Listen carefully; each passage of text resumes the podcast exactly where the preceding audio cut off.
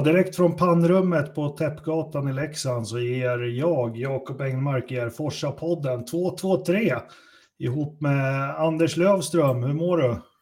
Tack, bara bra. Källaren i Tullinge idag. Eh, tydligen så är mitt ljud fortfarande inte speciellt bra. Jag har bytt precis allt. Mikrofon, eh, sladd, eh, dator, eh, glasögon, ja precis allt. Men tydligen så knäpper det fortfarande. Jag har dessutom en annan internetuppkoppling idag. Men ja, det, det verkar vara något i huset här som knäpper. Så nu har vi bränt en minut av podden på att du ska sitta och haspla ur dig. Kristoffer Lindén, hur mår du? Jo, det är bra. Det var ju en lugn helg i helgen. Det var ju bara MotoGP man kunde åtnjuta i motorsportväg. Så ja, men äh, det kommer lite mer aktiviteter nu till helgen. Äh, Mantorp ska jag till i helgen. Och våra avsnittssponsor kommer vara där också och sälja lite F1-merch för den som är intresserad. Det pågår väl från torsdag till nej, fredag till söndag tror jag. Det är kepsar och tröjor, merch. Jag kommer till ni, ni, som inte, ni som inte Kom. vet vad det är. Kommer det också Jakob? Nej, jag kommer till det med det. Men först vill jag eh, presentera alla innan ni börjar rusa på som ni, som ni gör. Men eh, comeback från eh, det under, hur länge har vi kört nu? Fyra år. Överlägset mest lyssnade avsnittet. Eh, Patrik Knös-effekten, välkommen tillbaka. Ja, tackar, tackar, tackar, tackar. Uh, nu satsar vi på dubbelt upp idag. Uh, hörni, uh, det blir lite specialare idag, men först som Kristoffer var inne på, vi har ett samarbete med West Coast Motorsport som har uh, massor med F1-souvenirer och bra. Vi har en tävling, man kan vinna lite äkta fina kepsar. Man ska in, jag fattar ju inte det här, vi har ju fem, sex, sju olika Facebook-sidor, men någonstans där så ligger ett inlägg som är jäkligt snyggt som man ska dela och tumma upp och skriva någonting. Eh, vi kommer berätta lite mer om hur det går till senare avsnittet. Idag 223 som avsnittet är. Vi har en lite specialare idag. Självklart ska vi prata lite Formel 1 och Indy och övrig motorsport, men jag tycker vi viger första delen till det vi har utlovat. Vi har ju Patrik med oss som var nere på Sandfort och och jobbade som funktionär på ett F1-lopp. Och det tror jag inte det är så jäkla många F1-poddar i Sverige som har gjort. Så jag vet inte, hur ska, hur ska vi släppa loss dig Patrik? Och, och vill du bara börja med att berätta lite så ställer vi lite frågor, det vi blir nyfikna på. Eller har Anders och Kristoffer något annat förslag? Ja, ska vi börja med en jingel först ändå? ja, absolut.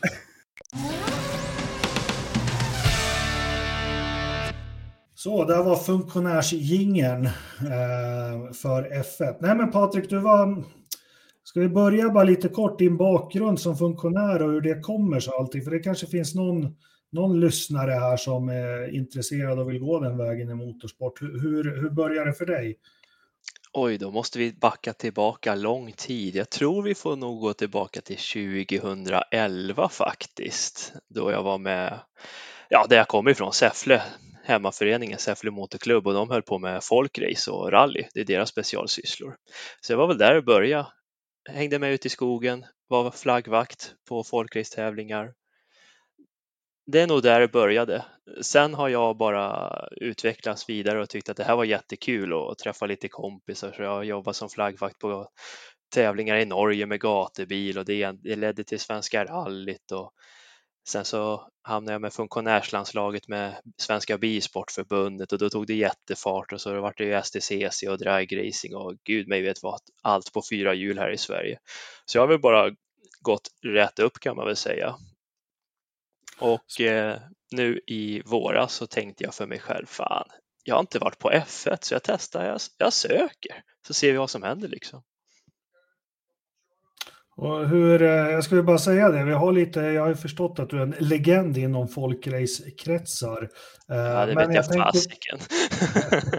ja, men när jag säger så, så, så är det så. Vi, vi, har lite gemensamma bekanta, men det kan vi prata om eh, efter sändning. Ja, eh, va, jag tänker vi går direkt in på F1 och du har en gedigen erfarenhet av motorsport i alla dess former låter det som. Allt från folkrace som är ju grunden upp till, till, lite, till lite högre. Men hur går ansökningsprocessen och hur ser kravbilden och så ut för att få vara funktionär i F1? Det börjar med att jag var nyfiken på hur det var funktionär i Formel 1 då, kort och gott. Och så började jag kolla på kalendern, vad är möjligt att ta sig till någonstans? Och då hamnade jag på Holland.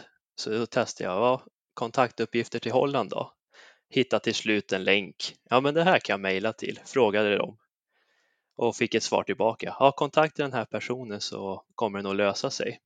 Och det gjorde det. Han eh, vart nyfiken på vem jag var, men då fick jag först skriva ett litet CV på vad jag hade gjort då. Och jag skrev ett CV, där, som sagt jobbat med Svenska rally och STCC och massa dragracingtävlingar bland annat.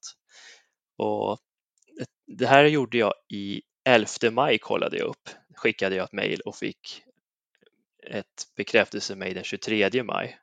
Då fick jag en vecka på mig att få ett intyg av Svenska Bilsportförbundet på att jag var en legitim funktionär och sen skapa ett konto för Sandvorts räkning, att jag är en funktionär som behöver vara med liksom. Och eh, ja, på den vägen är det. Men eh, det måste väl ändå vara så att Bilsportförbundet där, deras intyg, det känns väl som att det var garanten där lite grann. Skulle man kunna säga i och med att det är ju ett FIA-arrangemang det här vi håller på med och Svenska Bilsportförbundet sitter ju ändå ihop med resterande st större förbund i världen så att säga. Vad är det för krav? Vad har de för krav för att du ska få det här intyget? Var det just det här du räknade upp med STCC och Svenska rallyt eller? Nej, det, det Holland var mest intresserad av att, att jag var på riktigt och att jag hade alla former av eh, bo, teckningar för eventuella händelser, försäkringar etc. etc. Ah, Okej, okay. men, det är ingen liksom, utbildning man behöver ha sen innan eller erfarenhet? Nej, det enda jag angav om att är att jag har högsta licensen man kan ha i Sverige, ett funktionärslicens A då så att säga. Jaha, okej. Okay. Jag vet inte hur mycket det spelar roll, men det var det jag angav i alla fall. Hur, eh, hur funkar det då? Och det är Svenska Bilsportförbundet som eh, ger ut de här funktionärslicenserna? Ja, man börjar på, jag tror det är på funktionärslicens F heter det. Då går man en lokal kurs med din motorklubb då, kort och gott. En dagskurs tror jag det är. Och sen får man jobba upp, om du ska jobba fem tävlingar, då kan du gå en ny kurs.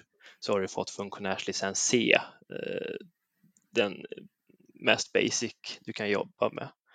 Och sen gör du tio tävlingar på det, då kan du klassa upp dig till funktionärslicens B och då får du lite större ansvar. Och sen så gör du ytterligare tio tävlingar på det då, så kan du göra chefspositionsuppdrag då, som sträckchef eller depåchef eller flaggposteringschef, alltså någon form av chefsposition då. Då kan du få en A-licens då. Och det är ändå okay. är, ja, från C till A tog det mig nog tre och ett halvt år tror jag fick kämpa för att komma dit liksom. Och då reste jag Sverige runt då för att få alla tävlingar och behörigheter liksom. Men då satsade du lite liksom på då att komma vidare? Jag. Ja. Exakt. Men det kan, det kan inte vara jättemånga som är liksom funktionärer på den nivån kan jag tänka mig. Eller är det drösar av dem? Är det liksom många som har varit med länge eller är det liksom? Funktionärer finns, men eh, det är svårt att få chefspositioner i det antalet om man vill jobba snabbt upp liksom. Ja. Sen är det en eh, intressefrågan. Vill jag ha en A-licens? Det blir mer större ansvar som läggs på dina axlar liksom. Jag är nöjd att ha en B-licens liksom för jag får ändå göra det jag tycker är kul etc. etc. Men det finns A-licenser för att kunna driva runt tävlingarna för det måste du ha på vissa tävlingsledare måste ha en A-licens liksom. Ja. Men eh, eh, tanken är väl kanske att du, det, det, gjorde väl ingenting att du hade liksom högsta licensen då när du ansökte till Sandvort, men eh, då, då kanske också dessutom om du har varit på en Formel 1-tävling så kanske det finns öppning för att vara på någon mer? Eller? Jag, jag tror det. Jag knöt väldigt många nya och roliga kontakter, så mm. vem vet vart jag hamnar nästa gång. Och det var, ganska internationella, jag, men det var ganska internationella personer som var på de här posteringarna om jag förstod det hela rätt. På min postering var jag väl den enda utbölingen om man får säga så. men jag var den enda nordbo därifrån, enda svensk på plats. Men jag vet runt om banan så var det australiensare, det fanns ungrare, österrikare, tyskar, fransmän. Så hade en mexikan lyckats hitta dit också och lite engelsmän. Ja, ja. det var lite internationell flair och vi var ungefär ja. 450 pers runt banan. Jaha, det är ju mycket mer än vad man ser på tv. Vi gömmer oss. Vi har väl inte huvudfokuset precis. Ja. ja Ibland men, så. eh, Ja. Ibland så, Men- ibland så. En sak man tänker på också, 450 pers, får ni betalt också eller är det bara liksom för kärleken till motorsport man gör sånt här? Eller?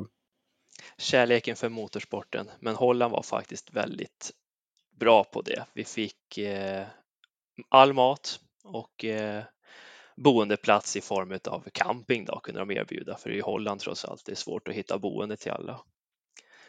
Så det, det stod de för. Det enda jag fick stå själv för det var flyget dit och hem då. Men eh, alltså det här med 450 pers, alltså om man tänker efter lite grann så är det inte sådär jättemycket folk egentligen. Visst, 450 pers, det är, det är många människor, men det är ju ett stort evenemang. Och Men liksom, det- det... är mycket, mycket som ska göras. Ja, men jag tänker på när det, när det strandar en bil i Monaco, det är ofta det man har framför näthinnan med, med funktionärer. Och så bara rasslar det ut 20 pers och så är bilen borta och så kör de igen. Liksom. Det är inte som i Baku eller Monza senast direkt. Liksom. Ja, jag förstår vad du menar. Men 450, det är rätt mycket på den här lilla korta banan ändå. Vad är han? 4,3 kilometer va? Och där jag stod, kurva 1 då, där var vi 22 pers som hade hand om den kurvan då. Och min postering, det var uppdelat i sex zoner då, så på min postering då var vi sex pers då, så hade lite olika funktioner då. Uh, hur liksom fungerar ni organisationsmässigt? Är det liksom FIA eller är det den lokala arrangören som ni jobbar med? Eller? Det är den lokala arrangören som vi jobbar mot där. Okej. Så Och i det är Holland är det... Vad heter? OCA Sandvort tror jag klubben heter. Om inte jag missminner mig. Okej. OCA, jo, OCA Sandvort, något sånt där. Och det är alltså själva motorklubben där som Det är är motorklubben. arrangör av Ja. eh, loppet så att säga. Precis, Ja, Om jag skulle bara göra en- tror jag. Eh, precis. Om man skulle göra en enkel översättning. Säg att vi får Formel 1 på Mantorp Park. Så jobbar jag mot Mantorp Park som, med funktionärer och sen har de en promotor i så fall som kanske håller på med bara i form av marknadsföring och jobbar mot F1 direkt liksom. Eh, de har liksom ingenting med varandra att göra utan det är två skilda världar. Och så kommer då Motorklubben jobbar ju liksom mot FIA och Formel 1 jobbar liksom mot promotorn då så att säga. Hoppas det vart lite begripligt.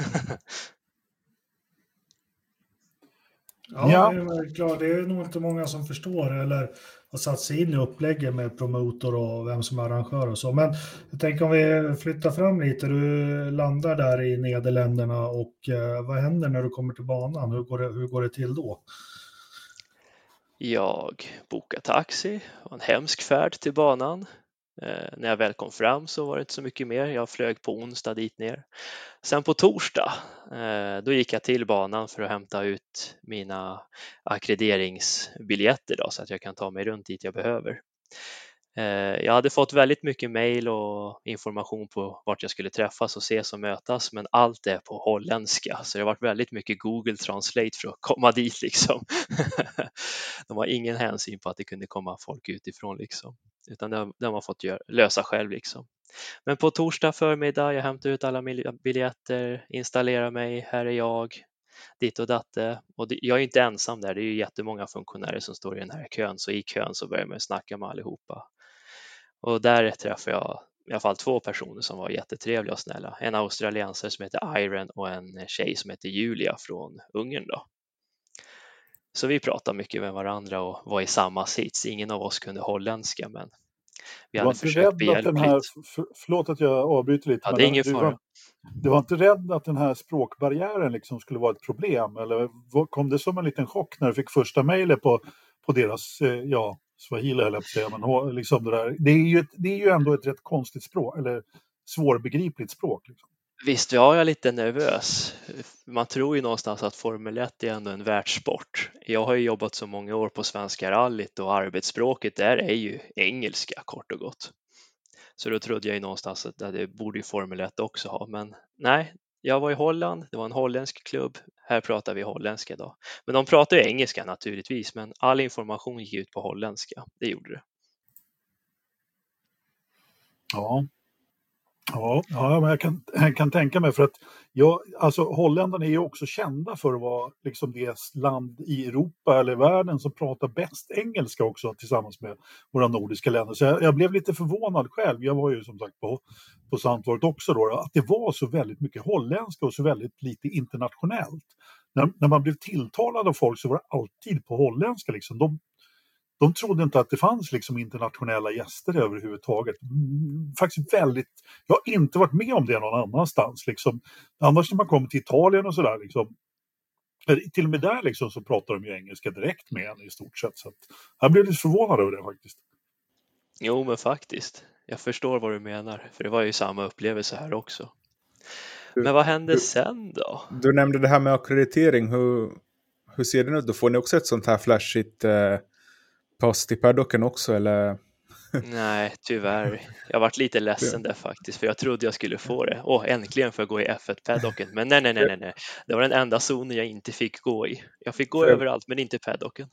Ja, för jag vet i Ungern så är det vissa funktionärer som, som kanske deras posteringar då är i depågatan, så då brukar de gå i, i paddocken. Mm. Fast, fast de egentligen får göra det, men uh, ja, det är svårt Min... att stoppa dem mitt jobb var ju barnpersonal och då hade vi ingen anledning att vara i depån tyckte de. Ja. Sen fanns det andra funktionärer som var depåpersonal, men de hade ingen anledning att vara på banan. Så det var ju två olika team då okay. så att säga. Just det. Ja. Vad eh, säger man om eh, det här som alltid eh, liksom inträffar efter slutsignal? Nu kanske jag hoppar lite framåt här, men jag blev så förvånad över att det var så Eh, jag menar på Monza till exempel, då, eh, för att ta det exemplet igen, så fylls ju alltid banan med folk jämt. I stort sett alla Formel 1-tävlingar jag har varit på har det väl varit så, även om det är förbjudet. Medan i Holland så var det ingenting sånt i stort sett. Eh, man brukar alltid öppna upp banan liksom, så att folk kan strömma ut den vägen. Och sådär. Har du någon take på det? Sådär? Jag vet inte varför de gjorde så ärligt talat. Jag trodde vi skulle också få gå ut på banan, alltså publiken. Men jag tror det var det var nog en hanteringsprocess att försöka få någon form av ordning och reda. Att det inte spårade ut totalt och de snodde alla skyltar och ljuspaneler och hela det köret. Jag tror de bara ville ha koll på folket. Liksom. Ja, så kan det ju vara. Så kan det vara. För annars brukar det, det brukar man ju se annars precis när de har gått i mål. Då brukar ju, mm. ju stallen springa ut på startplattan och, och ta sina vet du, de här sensorerna som ligger i backen där och sen så stänger de depån så det är klart. Liksom. Ja, precis så, så stänger de liksom till hela depågatan och så, så kommer folk springande. Visst, det brukar väl snos en och annan frigolitskylt, liksom, men det är en del av upplevelsen så där att gå på banan kan jag tycka liksom, efter loppet. Så. Jag tror de har samma i Ungern, för där försökte jag som publik gå runt banan, men det sa ungerska polisen nej till. Vi fick bara vara på startrakan, men inte mer. Ja, men så kan det ju vara. Vad, men liksom jobbmässigt, vad fick du göra? Vad var din uppgift då i, i kurva 1 sa du? Jo, jag jobbade i kurva 1 som sagt. Jag var flaggvakt. Jag var den som viftade gul flagg, vit flagg, blå flagg, alla flaggor utom målflagg och röd flagg. De fick inte jag vifta. Men spännande. Hur, hur, går sånt till då? För det är säkert mycket som ligger bakom. Eh, du står där i din postering och, och jättemycket flaggor och grejer. Hur, hur meddelas ni? Hur får ni reda på vad, alltså hela, hela upplägget? Hur funkar det här bakom kulisserna? Ja, vi på min postering som hette 1.4, där var vi sex pers och då fanns det en posteringschef. Han hade direktkontakt med tävlingsledningen, den holländska tävlingsledningen. Inte FIA-delen utan den holländska hemmaklubbens del. Då. Eh, så de pratade hela tiden och det var egentligen han som pratade med mig vad som skulle göras och inte göras. Jag fick egentligen inte ta egna beslut på det sättet. Vi var två flaggvakter eh, så att vi kunde lösa av varandra så att säga. Eh, det enda jag fick göra instinktivt själv, det var att vifta gul flagg om något hände i min zon, vit flagg och blå flagg. Det var det enda jag fick egentligen vifta. Och grön flagg då om posteringen framför var gul då. De fick jag vifta med. Eh, posteringschefen hade tillgång till röd flagg, men den fick han bara vifta om tävlingsledaren bad honom att göra det så att säga. Men hur fungerar det? Vissa förare liksom börjar ju gnälla om att de vill ha blå flagg eller någonting. Kan de liksom komma och säga till dig att ge en blå flagg nu till, vad ska jag som exempel, Latifi nu då? eller hur, hur, du måste ju ändå hålla koll på var i loppet de är för att kunna ge en blå flagg. Eller? Om vi tar blåflaggsdelen under F1-loppet så fick vi funktionärer inte använda den flaggan utan den sköttes utav Race Control elektroniskt. Jag tänkte just Med, säga med det. siffra. Därför att det brukar alltid vara liksom de här elektroniska tavlorna och sen så står det en siffra på, för det redovisas ju också i feeden sen. Vem som har Precis. fått en blå flagg, hur många som har fått en blå flagg. Nej, eh, hur många gånger man har fått en blå flagg. För att det är väl så att har du fått den två gånger så, eh, så, så får du ett straff eh, om du inte har flyttat på det i stort sett. Eh, tre posteringar har de på sig. Tre posteringar till och med. Åker Okej. de på den fjärde då får de straff. Jag tror Vettel vart lite grinig för han fick väldigt liten, liten straff har jag för mig. Ja, men var det någon, eh, någon förare eller bil som råkade stanna just där? Där du var under helgen eller fick du liksom komma nära? Det var en, nu kommer jag inte ihåg vad alla heter, men det var ju en, två förare i Formel 2 i feature-racet var det väl på lördagen som tyckte det var kul att åka ut i Sandfållan. En åkte ut och passerade mer eller mindre oss. Det finns som en liten asfaltsremsa precis vid däcksbarriären där vi står. Då. En escape road, den kan de åka på. Men det var en F2-förare som åkte rakt och parkera. Han fick vi ta och lyfta bort. Eh, jag fick inte eh, lämna min post. Min uppgift var att flagga som sagt. Men det fanns andra kollegor som vars uppgift var att flytta bilar och då sprang de iväg och gjorde det. Men eh, de hade ingenting att göra på hela helgen förutom att lyfta en bil. Så i princip skulle man kunna sitta där och softa eh, tills det kommer någon och parkerar, eller? Det hände lite mer. Porsche-racet var lite som folkrace. Det bangades med varandra och det flög delar och det var allt möjligt. Så Porsche-cupen var faktiskt den roligaste klassen på hela helgen för då fick vi jobba på riktigt. Då fick vi Då flagga och ja, det hände något. Formel 1 som sådan, det var egentligen eh, tråkigast. Men allt har ju med att det är ändå världens bästa förare. De ska ju helst inte göra misstag så att säga. Nej, ändå gör de det. Eh, Men du, jag tänkte på det här lite grann. eh, Vi var inne, eller vi, du har ju berättat där hur det gick till och alltihopa. Och, och, allt så. och det var rätt långa dagar om jag förstod det hela rätt också. Fem gick jag upp, eh, 5.30 hade vi frukost och 6.50 skulle vi vara posteringsklara, cirka två timmar innan första heatet.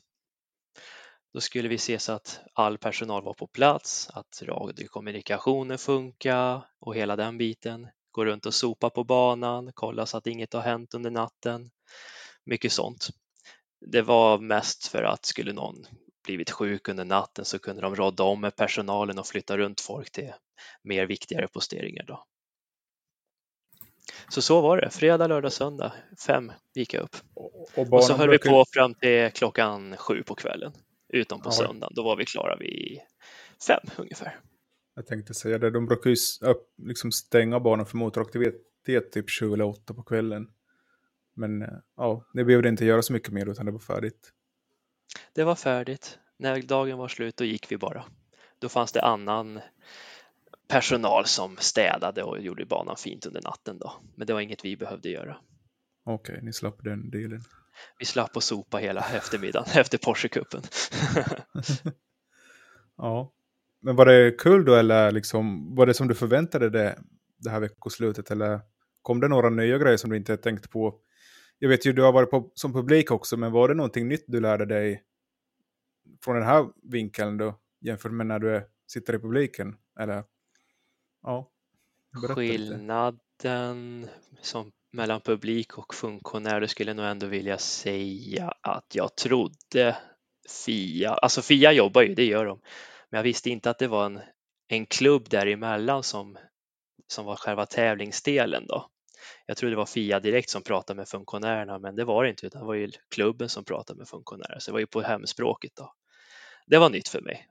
Då förstår jag ju lite grann också att besluten tar en liten stund på sig att nå till Fias racekontroll. Då. Eh, exempelvis, vi ser något på banan, Vi rapporterar till tävlingsledningen, tävlingsledningen rapporterar till racekontroll, racekontroll ska besluta, meddela till holländska tävlingsledningen som rapporterar till oss vad vi ska agera. Det är en ganska lång Mm. kedja. Det fick jag lära mig. Det känns lite Pauls riksdag måste jag säga faktiskt. Lite så, lite så. Det förvånar mig att det var så. Så nu är jag inte så förvånad det- det längre det tar lite tid att besluta grejer i Formel 1. Ja. Det förvånar det- mig jättemycket ska jag säga, för allt är ju så rent och snyggt och tillrättalagt i eh, det man får se om Formel 1. Eh, epoxymålade golv i garage inför loppen. Nej, men ni förstår vad jag menar. Det här, jag sitter och är nästan lite förbluffad. Alltså, kan man få 100% säkerhet och kontroll med ett sånt här upplägg? Med influgna funktionärer och eh, bara sp- hemspråk och ja. Förstår du vart jag vill komma? Eller du kanske Ja, inte ja, får vara kritisk heller eller säga någonting sådär, det förstår jag väl, men eh, jag, jag blir förvånad. Så gjorde de i Holland. Jag vet inte hur de andra klubbarna jobbar, men jag skulle gissa på att det är något snarlikt system i och med att det är väldigt mycket hemma och internationellt har jag förstått. Men samtidigt är det väl så att det som händer på banan har ju Race Control redan sett. Race Control har får- sett. De Ja, behöver bara få en bekräftelse från markpersonalen.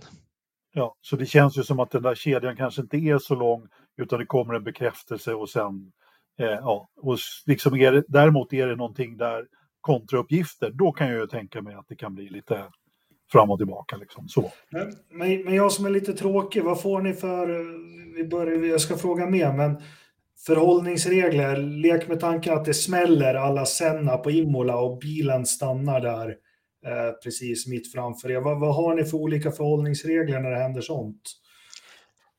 Vi väntar på tävlingsledningens order vad vi får göra. Ska man hålla upp filtar och så för att täcka tv-kameror vid en eventuell olycka? Går det ut sådana ordrar? Jajamensan, det gör det om det skulle behövas. Mm. Vet Vi hade- ni liksom på eh, vilka typer av incidenter? Hade ni liksom någon briefing innan det här liksom, Ja. olika scenarion? Det hade vi. ske? Varje morgonmöte så hade vi olika scenarier på vad som skulle kunna hända. Exempelvis flares kunde hända i Holland, att man kastar in de här, vad är det, färgbengalerna. Mm. Nej.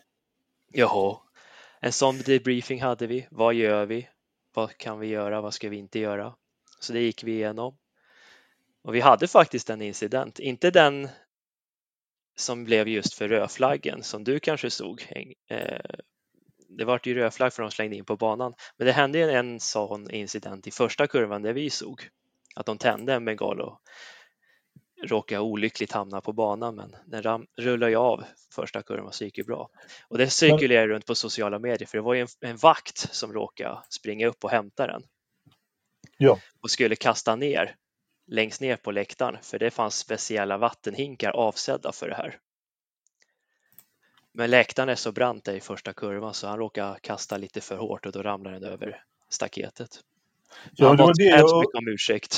Det gjorde Det han. var det jag undrade också, för precis den incidenten har ju pratats väldigt mycket om. Mm. Eh, att det var, liksom, det var en, en till dåre som slängde in, liksom. men det visade sig ju sen att det var en funktionär som försökte, försökte rädda, men det stämmer alltså. Det var, det var, ju, det var ju bra att få bekräftat, för det, det, det var...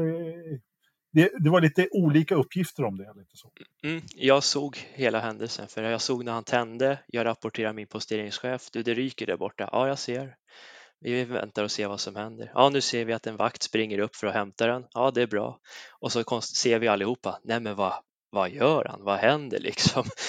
Det är inte möjligt liksom. Då var vi tvungna att rapportera racekontroll. Racekontroll kollar. Vi ser att den rullar av.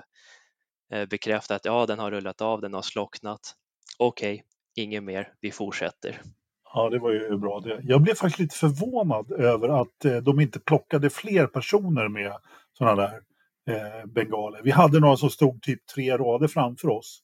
Som tände ja. Både, både på lördagen och söndagen. Och, eh, jag är lite förvånad att de inte plockade dem eh, hårdare faktiskt. Så att, eh, ja. Gjorde nog så gott de kunde tror jag. ja, det gjorde de säkert. Eh, och det var ju, alltså jag har aldrig sett så mycket läktare och så mycket folk eh, på så liten plats tidigare. Så att det är klart att de hade att pyssla med. Liksom. Men nej, jag, jag trodde ändå att de skulle vara lite eh, just, eh, men, men det är klart, det är som du säger, det är ju svårt att ha koll på hela, på 300 000 galna holländare, eller så många var det kanske inte på plats samtidigt. Men hade du någon, eh, vet du hur många, många det tog förresten? Eh, på söndagen så fick vi in 115 000. 115, ja okej. Okay. Mm. Jag tyckte... Ganska alltså, bra. Det är väldigt bra. ja, jo visst är det det och framförallt så extremt mycket läktarplats. Och, alltså på lördagen så var det ju också väldigt, väldigt fullt. På läkt jag har aldrig varit på ett kval där det var så mycket folk. Alltså det var... Mm, alltså jag kunde inte märka någon skillnad mellan lördag och söndag. Annars så brukar man alltid märka skillnad. För att det brukar vara lite lugnare på lördag. Det har blivit mer och mer. Liksom. Men redan fredagen så var det ju byst alltså. Ja, 95 000 på fredag, 105 000 på lördag och 115 på söndag jag, om jag inte minns fel. Alltså det, det var ju typ fullt hela helgen. Ja, ja, ja, verkligen. Patrik, hur, hur följer du med loppet under, när du står där på din positionering? Hade du, hade du liksom någon charm eller ja, fick du bara räkna med som kom i vilken ordning ungefär? För att veta hur de låg eller? Ja, lite så. Räkna själv hur de låg. Men vi hade en jättestor eh, sån här tv på lastbil i första kurvan så vi klarade oss. Vi kunde se på det sättet. Men eh, mer information så hade jag inte. Okay. Vi fick bara glatt titta på vad vi såg framför oss. För det där tänker jag ibland om man är som funktionär, man måste ju ha en uppfattning om hur loppet ligger till kanske. Det, det underlättar väl i alla fall ens arbete, kan jag tänka mm. mig mitt fönster som flaggvakt var så litet om man säger så. Eh, vi var två pers och vi var uppdelade så att vi såg två olika saker. Eh, vi, vi roterade faktiskt, vi körde en halvtimme i stöten så att vi inte vart helt stela eh, i kroppen utav det. Så första halvtimmen då kollade jag bara rakt fram. Jag kollade bara rakt fram. Fick inte vrida huvudet eller något. Jag kollade rakt fram ifall någon stack ut i samfållan. Och den andra kollegan han kollade på utgången i kurvan om någon körde över vita linjer eller något sånt, för det skulle vi också rapportera.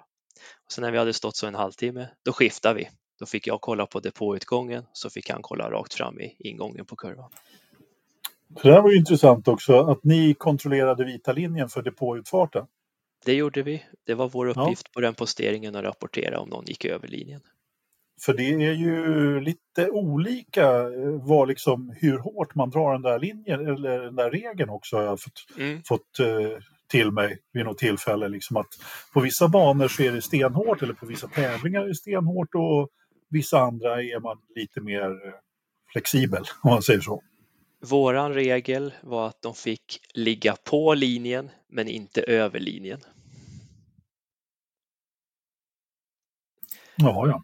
Så, men tack och lov, det var en snäll utgång. Det var inga konstigheter. Alla var jättesnälla. De var minst en halv meter ifrån linjen. Men den ligger rätt bra. Den ligger inte så dumt inför ett idealspår till nästa kurva liksom. Ja, just det. Precis. precis. Det var väl andra banor som Monza. Där vill man gärna ut i linjen direkt, men den ja, men precis, linjen exakt. är ju man liksom jättelång. Håll, ja, precis. Av en anledning också. Mm. Men du nämnde ju ny, det här med nya intryck. Jag måste berätta det här, för det, här, det, det fick jag aldrig uppleva från läktaren, utan det, det fick jag göra från posteringspositionen.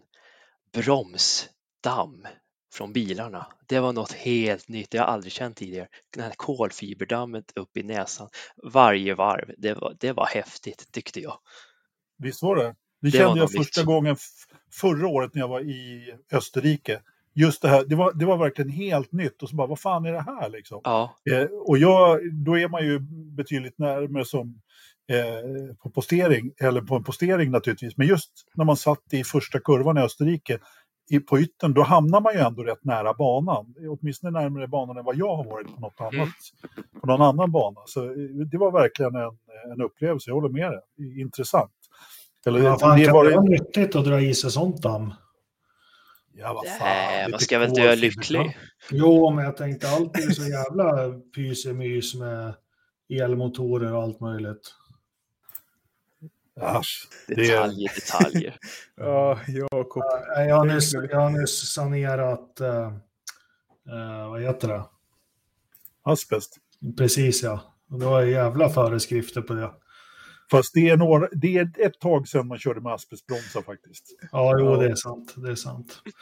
Ja, nej, men eh, jag sitter blir nervös här, Kristoffer och Anders, att jag är så tyst. Men jag tycker jag låter alla fråga så mycket som möjligt för att, för att få lite. Men eh, totala liksom, upplevelsen var funktionär på ett F1-lopp med tanke på allt du har gjort. Eh, ja, folkrace till, ja, till Sandfors Grand Prix. Hur, hur, hur skulle du klassa det liksom organisatoriskt, ordning och reda och genomtänkt och, och allt sånt där? Det här är det fränaste jag varit med om. Jobba på Formel 1 är ändå jobba på Formel 1 och vilken apparat ändå att driva runt det här cirkusen. Och man vart bortskämd. De servade oss funktionärer väldigt väl. Det var liksom minutschema. Här, här, här ska det vara då, då, då. Det var inte så mycket, om vi jämför med folkrace, det är inget fel på folkrace, men där är lite mer, man får ta tag i egna saker ibland, vad man får göra liksom. Det var liksom Att saker ska bli gjort liksom. Det var liksom inte upplagt för free, freebase här, eller frilans Nej, lite. Utan. ingen freebase, du, du följer ditt schema. Ja. Gjorde du något utanför så fick du höra det sen. Och då är det risk Ja. att du inte är välkommen tillbaka. Det var på den Ja. nivån. Du fick inte liksom stå och filma när bilen körde förbi eller ja, ta Nej, det fick selfies jag med inte. bilen? Det, det, det var det tråkiga. När man är där, man har varit på, med på Formel 1 och man vill ju ta lite kort. Det är ju rätt fränt att visa upp sina kompisar. Titta vad jag har gjort. Då får du bli journalist, för de springer och tar selfies i parti och minut. Ja, de gör ju det. Nej, så det var hårda. Det stod i reglerna i min funktionärsregelhäfte att vi får absolut inte ta kort under pågående aktivitet för då ska du jobba och så ser det lite bättre ut på tv också om du råkar bli filmad. Mm. Att du inte står där med en telefon och ser Det kan man förstå ut. faktiskt. Mm. Det, det kan Har man du ingen förstå. sån här rolig bakom eh, kulisserna grejer då, och, och dela ge oss? Ja, vad kan det vara? Vad skulle det kunna vara? Jag åt jättemycket pommes frites. Vi hade ju matstånden precis bredvid oss. Och Marcel, han var en riktig jävel så han gick ju alltid fram och frågade kan vi få pommes frites? Nej, du måste betala. Nej, nej, nej, nej, vi är funktionärer, vi svälter. så vi fick ju alltid pommes frites, det var jättesnällt. Och så fanns det, fanns det jättemånga såna här kaffe kaffeflickor, kaffepojkar som gick runt och gav kaffe och det kostade ju 3 euro koppen men vi fick 10 koppar gratis varje gång de passerade så det var ju rätt roligt. Vi fick eh, hjälpa Kati eh, med att sätta upp en presenning på hennes, för hon, Kati var hon hade hand om ljuspanelerna. Hon fick trycka på knapparna om det skulle lysa blått eller grönt eller rött. Då. De fick hon trycka. Och hon stod helt ensam i solen hela fredagen och tyckte att det, det var jättejobbigt det här. Så vi satte upp en presenning tidigt på morgonen på lördag. Det var lite roligt att klättra i skyddsstaketen och leka high five liksom. Men du sa de här lamporna, det är ändå någon lokal... Det är inte Race Director som kan aktivera dem runt hela banan ändå? eller? Race Control har kontroll på dem, men även eh, så kan de aktiveras av en funktionär på, la- på plats om hon ser något som inte Race Control ser. Ja, Okej. Jaha, det finns liksom dubbla... Dubbla funktioner på dem. Okej. Men Intressant. det var samma där, hon får inte trycka på röd utan det gör Race Control. Ja. Och blåflaggen fixar Race Control. Men skulle hon se att det kommer en bil ut ur depån, då, då viftar hon med blåflaggen så att Ja. den uppmärksammar. För det där har man ju sett någon gång på tv när man kollar att eh, det kan liksom i en postering kan redan en gul flagga vara ute. Eller någonting, men det inte kommer ut informationen i, i grafiken i sändningen. I tvn, nej precis. Ja. Då har troligen funktionären sett något som den reagerade på. Och då har Ja. inte racekontrollen varit medveten på det liksom. Ja, Okej, så det, de är inte tröga, det är bara någon lokal som har aktiverat det. Nej, precis, precis. Ja. Okej. Så det finns två Intressant. funktioner på dem. Mm. Men du, eh, det här var ju intressant att, du, att det fanns eh, kaffepojkar och flickor som gick omkring och sålde kaffe, för jag såg inga sådana. Däremot så kan jag säga att jag har aldrig varit på ett evenemang där det har varit så tätt mellan ölställena. Därför att det, det, var, det var liksom ställen att köpa öl, alltså öl, öl, eh, Heineken alltså. Det var, det var liksom kanske, ja, under varje läktare fanns det massor. Och sen mell, om man skulle törsta ihjäl mellan de här så fanns det liksom små bord som de åkte omkring med, eller småbarer med en flagga på så här där det stod öl på också. Eh, och om det inte vore, vore så att man missade dem också, då kom de upp på läktaren med en sån här tunna på ryggen och hade glas och grejer också. Så att det var liksom inga problem att hålla vätskenivån här på det här stället. Men jag såg inte någon som sålde kaffe faktiskt. Nej, men det gjorde jag. Det var jättetrevligt. Ja. Som svensk ja, vill vi ha kaffe. ja, det där, det där Anders skulle de behövt i Italien istället för att köa två timmar till få en bärs. Ja, jag tänkte på det. Jag tänkte på det. Och, alltså, jag, jag har faktiskt varit lite kritisk mot Sandvort för att det var inte det bästa organiserade loppet jag har varit på. Det, det kan jag ju definitivt säga. Där tar ju Österrike Eh, Eh, den första platsen definitivt förra året faktiskt. Eh, Sandford, det var, men det var också, det är ganska, som du säger Patrik, det är en liten bana och väldigt, väldigt mycket folk. Så det blir ju ganska trångt, även om man kan få öl. Så. Men det, det, var, det var riktigt trångt faktiskt och, och när man har hört skräckhistorierna från Monza och deras poletter så här på Sandford så fick man ju en polett också, men eh, den, den, den blev man av med om man köpte en öl och sen så fick man lämna in glaset så att det inte skulle bli så mycket skräp. Så det var ju inga problem så egentligen. Men, eh, så, så själva det funkade ju bra här, det måste jag säga. Men, eh, Men vi måste ha haft olika upplevelser för jag som funktionär tyckte allt funkar klockrent. Det var knappt köer, det funkar. Visst, det var jättemycket folk, men dit jag kunde gå, det funkar bara klockrent. Jag var ja, förvånad. Var, Ja, men det var det jag tänkte också, eftersom din, jag förstod ju att din upplevelse var är naturligtvis lite annorlunda. Men som, som publik så var, nej men det här är ett ställe som jag inte kommer att åka tillbaka till. Det kan jag ju spännande, säga direkt. Spännande. Ja, faktiskt. Ja. Eh. På, på, på, tal om det, är det någon annan bana du skulle kunna tänka dig funktionera på, Patrik? Eller är det bara Holland som är i siktet? Eller? Liksom, du har ju hela världen framför dig när du har varit på en. Det, det finns 20, jag, 22 andra hela, att välja på. Ja, det, det, har jag. Jag har hela världen framför mig. Men inte Monaco. Jag vill till Monaco men jag får inte. Jaha. Jag måste, prata, jag måste prata franska, jag får inte vara äldre än 30. Men det, det löser vi fort. det löser Kristoffer. Nej men jag, jag, jag tittar faktiskt för jag ville det är väl ett ställe man skulle kunna jobba gratis på och slippa betala tänkte jag. Det är ju dyrt ändå som det är där. Men eh, nej, de hade regler. Jag får inte vara äldre än 30, jag måste kunna franska. Men det som jag är mest avundsjuk på det är att få se en Formel 1-bil och stå liksom på marknivå så nära som ni får göra. Mm. Det är inte många som får uppleva det och, och särskilt så här in i en första kurva som du, det måste ju... Hur lång tid tog det att vänja sig vid farten när du hade sett några Porschar och sånt susa förbi innan?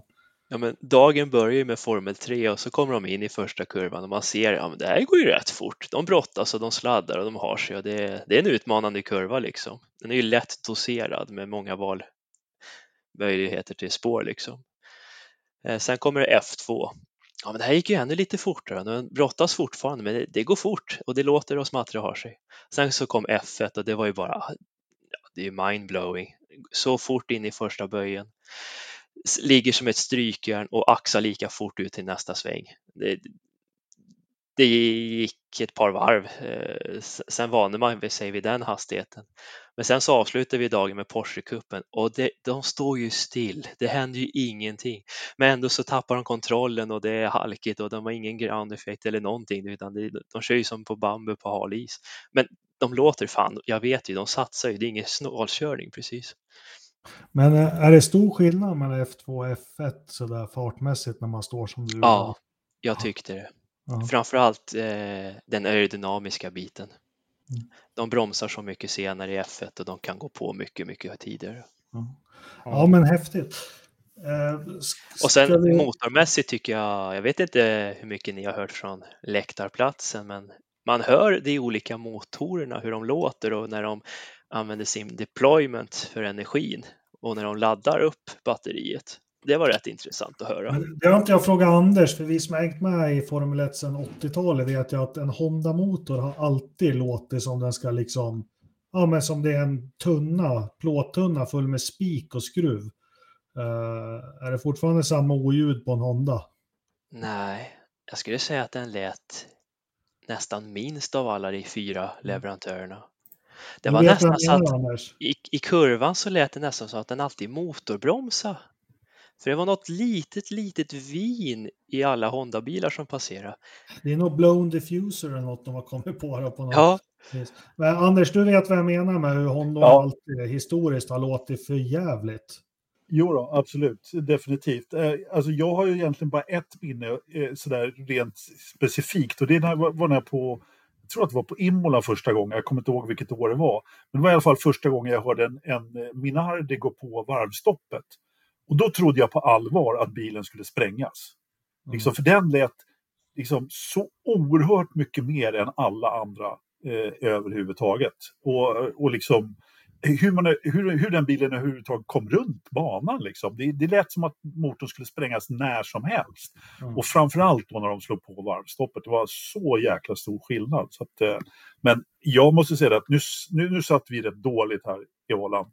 Vi satt i liksom, eh, vad hette det, arenan liksom, mm. i komplexet innan velodromen kan man säga. Och ganska långt upp på läktaren dessutom. Så att man var ganska långt ifrån och jag måste ärligt säga att jag har svårt att höra det där som du pratar om. Det kan jag tänka mig att, men det var, det var betydligt lättare i Österrike förra året. Eh, det måste jag säga, även om det var på läktaren då. Men nej, från, från eh, läktarplats där högt upp, dessutom med rätt mycket holländare som förde ljud, så nej, Eh, ingen ingen sådär nära Formel 1-upplevelse. Nej, men härligt att höra. Vi har väl alltid drömt om Formel 1-bilar, att de ska vina, ha ett vinande ljud. Det låter ju suveränt, skämt åsido. Jag som har varit på några F1-tävlingar, så jag, jag brukar säga att Honda har ett raspigt ljud. Tycker du samma, Patrik? Eller? Ja, den är lite raspigare. Jag tycker Mercedesen, ja. den smattrar hela tiden. Ja, När han går, då, då går han jättefint. Men de, så fort de har kört sin runda och måste ladda upp batterierna, då går de på tomgångskörning och bara smattrar. Bä, prä, prä. Alla Mercedesar, och det är ju sex stycken av dem, så det, de lät ju jobbigast tyckte jag så fort de skulle Vänta lite, vänta, stopp. Hur, hur lät de sa du Patrik? Bra, pra, pra. Alltså, de liksom bara baktände hela tiden. Låter som ett eh, världsk andra världskrigen-flygplan lite. Ja, så det är sex stycken av dem. De lät ju hela tiden. De körde mm. ett till två snabba varv och så var de tvungna att ladda batteriet och då smattrade de hela tiden, framförallt där vi stod då, för det var ju efter en långsam kurva liksom.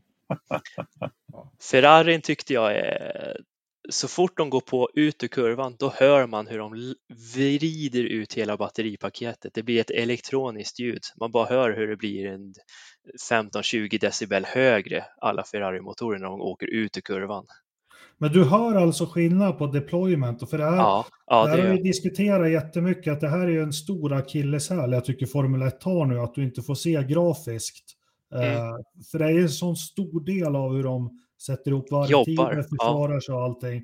Uh, så det är superintressant det du säger. Det är...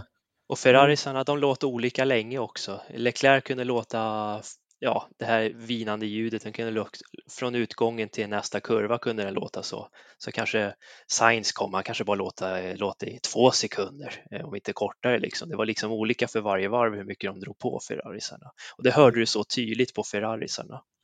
Det kan ju ha varit Leclerc du hörde själv som satt och skrek. Ja, det kan det också ha varit. Frustration. ja, men det, här, nu jäklar, det, här, det här tycker jag var jätteintressant, men jag vet inte. Nu är du den jag känner som har närmast in, och Kristoffer kanske till Fia, men det här med just det här du pratar om, det måste, de måste hitta en grafik för oss tittare på något vis och visa de här sakerna. Tänk att kunna se, ja men så här Verstappens varv, det ser ut så här med deployment, så här ser Leclerc ut och så här ser Hamiltons ut. Det är superintressant alltså. Det är sånt man får uppleva. Det är inget ja. man får se på tv tyvärr. Det är lite synd. Ja, ja. jag får väl fan lära mig att vifta med flaggor då. Men, ja, du får göra det. Ty, tycker du samma Patrik som jag att F2-bilarna har ju ett värre ljud än F1-bilarna? Ja, det tycker jag. Eh, jag vet inte varför de, de smattrar så mycket. De baktänder. Det är som att någon skjuter med ett gevär hela tiden när ja, de växlar. Exakt. Det, det, är alltid jobbigt där efter kvalet när man ska jobba så kommer de där F2-bilarna ut och smattrar på. Man vill alltid lägga i örlurarna. Ja. ja, men det, motorn låter rätt okej, okay, men det är liksom så fort de växlar så baktänder den. Den låter F2. högt. Den ja. låter mycket högre än någon annan klass faktiskt. Jo, den är värst. Du, en sista fråga innan det här. Hur, hur ser säkerheten? Ni viftar flaggor och ni har säkert några brandsläckor. Är det sjukvårdspersonal och sånt vid varje kurva också eller? Nej, ingen sjukvårdspersonal. Bara i bilen? bilen ja. Ja. Och brandgubbarna hade ju sina speciella gummihandskar och även de som får röra bilen. Eh, I och med att bilen är... Precis. Ja. Och även brandgubben hade fått instruktioner på att han inte fick släcka närmare än en och en halv meter för då kunde bilen vara strömförande. Men, men ni tar hand om bilar om de får stopp där också?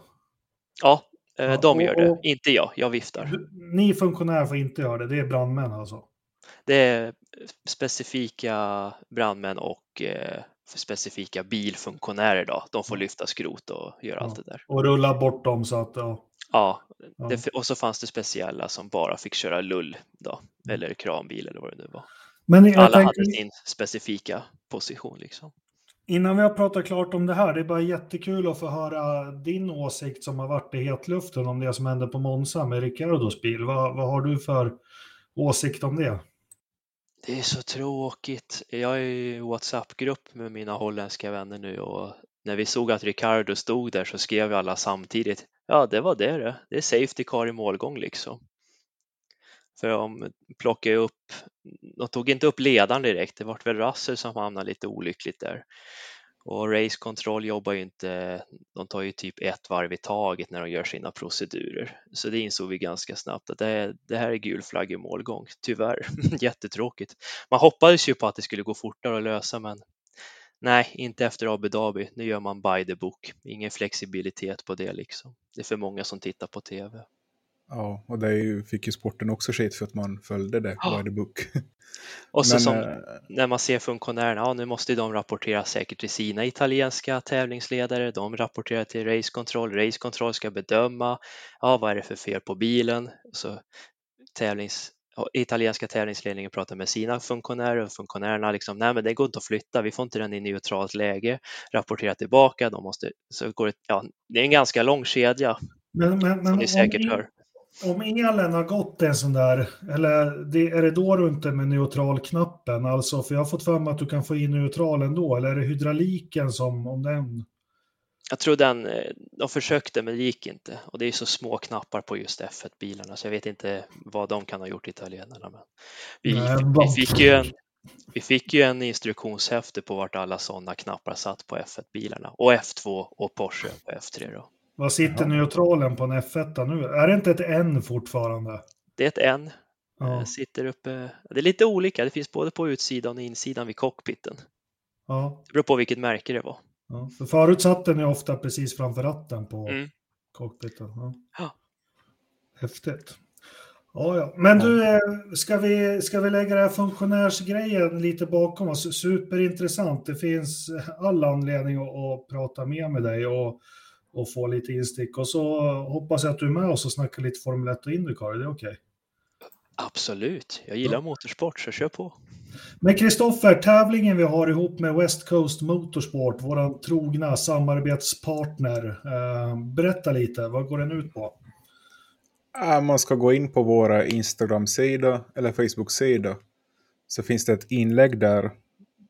Där du ska kommentera helt enkelt vilken keps du vill vinna. Vi har fått en keps från Alpin, en keps från Mercedes, en vit Hamilton-keps, en röd Ferrari-keps och en orange Red Bull-keps. Så det är liksom hela fyra kepsar vi har fått från West Coast Motorsport. Och eh, ja, gå in och gilla bilden. Eller det är ett filmklipp, ett kort filmklipp där du kan se de här kepsarna också. Gilla och dela och kommentera vilken du vill vinna helt enkelt. Men då ger, än oss, då, då ger oss fyra i uppgift att under den här sändningen ska, ska vi gå in och säga vilken keps vi vill ha också så vi får lite fart på det här. Men det är alltså på Forsa Motorsport podcast-sidan. Ja, exakt. Ja, jag är så gammal, jag lär mig aldrig det där, men ni kids där ute, ni har nog full koll. Men, eh, In, inte gruppen, sidan. si, jaha, ja, ja. eh, Ja, eh, du sa rätt, jag bara förtydligade. Ja, Sidan, inte gruppen. Så vet Patrik skillnaden på sidan och gruppen? Ja, Jag söker mig fram till informationen. Du slår in på Google. Forsa-poddens Instagram-tävling. Ja, precis, precis. Ja. Jag, jag, har, eh, jag har inget övers för honom, men jag tittar, fan vad snygg Hamilton-kepsen är. ja, Mm. Ja, måste vi slåss så tar jag Verstappen. Ja, Och om man inte skulle vinna kommer man alltid köpa det här också på West Coast Motorsport. För de är ju...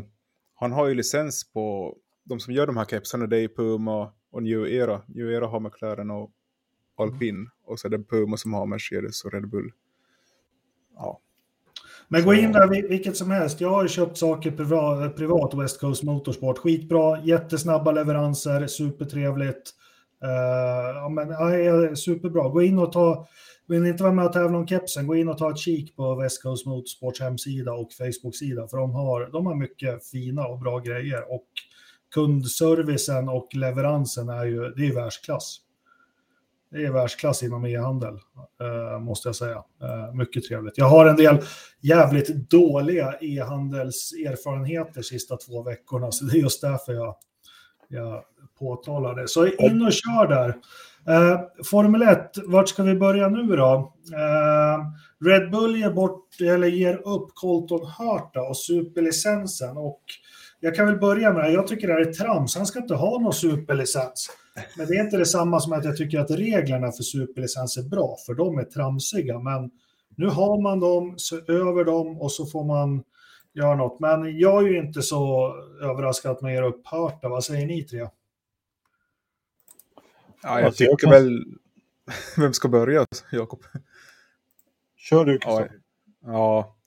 men jag vet inte om det här har varit någon rökmontel för Red Bull med att den här Porsche-delen inte har gått, men de körde ju rätt hårt på det här. Liksom, vad heter han nu? Alfa Tauri Starship sa ju att det var helt klart att Gasly kommer och bara få upp licensen. Och, och det var Dab och ja, sen var det massor med andra Starship. Frans ja, Toft heter han och det är ja. Harta som han sa skulle komma. Ja, jag vet inte vem jag sa. Ja, sorry. Journalisten grabbar.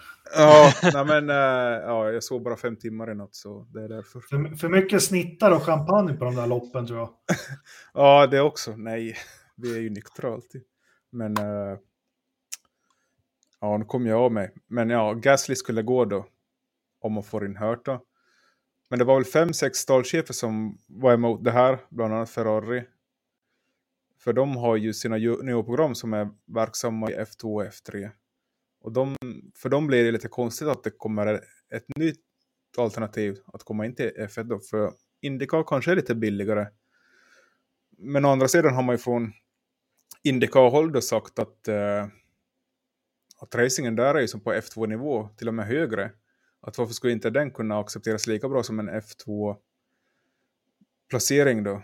Men eh, så det, ja, de verkar lite för om man skulle ge den här till Hörta så måste man ju se över systemet helt klart. Och Hörta själv har vi sagt nu, idag läste jag att uh, han vill inte vara det här exemplet som förstörde regeln, eller liksom undantags, undantaget. Nej men återigen, det är ju så, de kan väl hålla på och dryfta om det. Jag, jag gjorde faktiskt ett jobb i, i, igår var och försökte kartlägga de här superlicenspoängen och sånt. Och inser ju utan att det går ju, han Hörta skulle väl kunna ta jätteskumma bakvägar och fixa de här poängen till januari. Genom att jo. kanske köra... Ja, men varför, vad ska han köra en vinterserie? Han kan köra någon F4 i Asien eller något sånt där skit. Ja. Jätt, jättekonstigt, men problemet är ju att de inte har, de har ju inte fixat valutan för Indycar. Om ni förstår vad jag menar. Ja, det är väl klart att man skulle kunna öka valutan, men återigen här, vad, vad är Hörta i mästerskapet? Är han nia? Ja. I Indycar-mästerskapet. Ska någon som kraschar varannat lopp ha en superlicens? Nej. Som kraschar varannat lopp i Indycar? Det kan man, det, det kan man ju diskutera, eh, kan jag tycka. Men det tål ju också att säga, hade killen hållit sig i skinnet så hade han haft en superlicens. Ja. Eh, sen, är, sen är det ju också så här, så att, så att jag personligen tycker att hade de släppt in Colton Hurta då hade jag i princip slutat titta på Formel 1. Nu kan jag ju säga det eftersom de inte gjorde det. Men jag, jag, jag tycker att det hade varit årets skandal verkligen om de hade släppt men, in men, men sen, Colton Hurta. Sen får vi inte glömma heller, Indycar är ju inte FIA-sanktionerat. Precis Nej. det jag tänkte säga. Där har du den stora, stora grejen ja. som, som folk som bara skriker rakt ut måste begripa att det, det är inte med under FIAs paraply.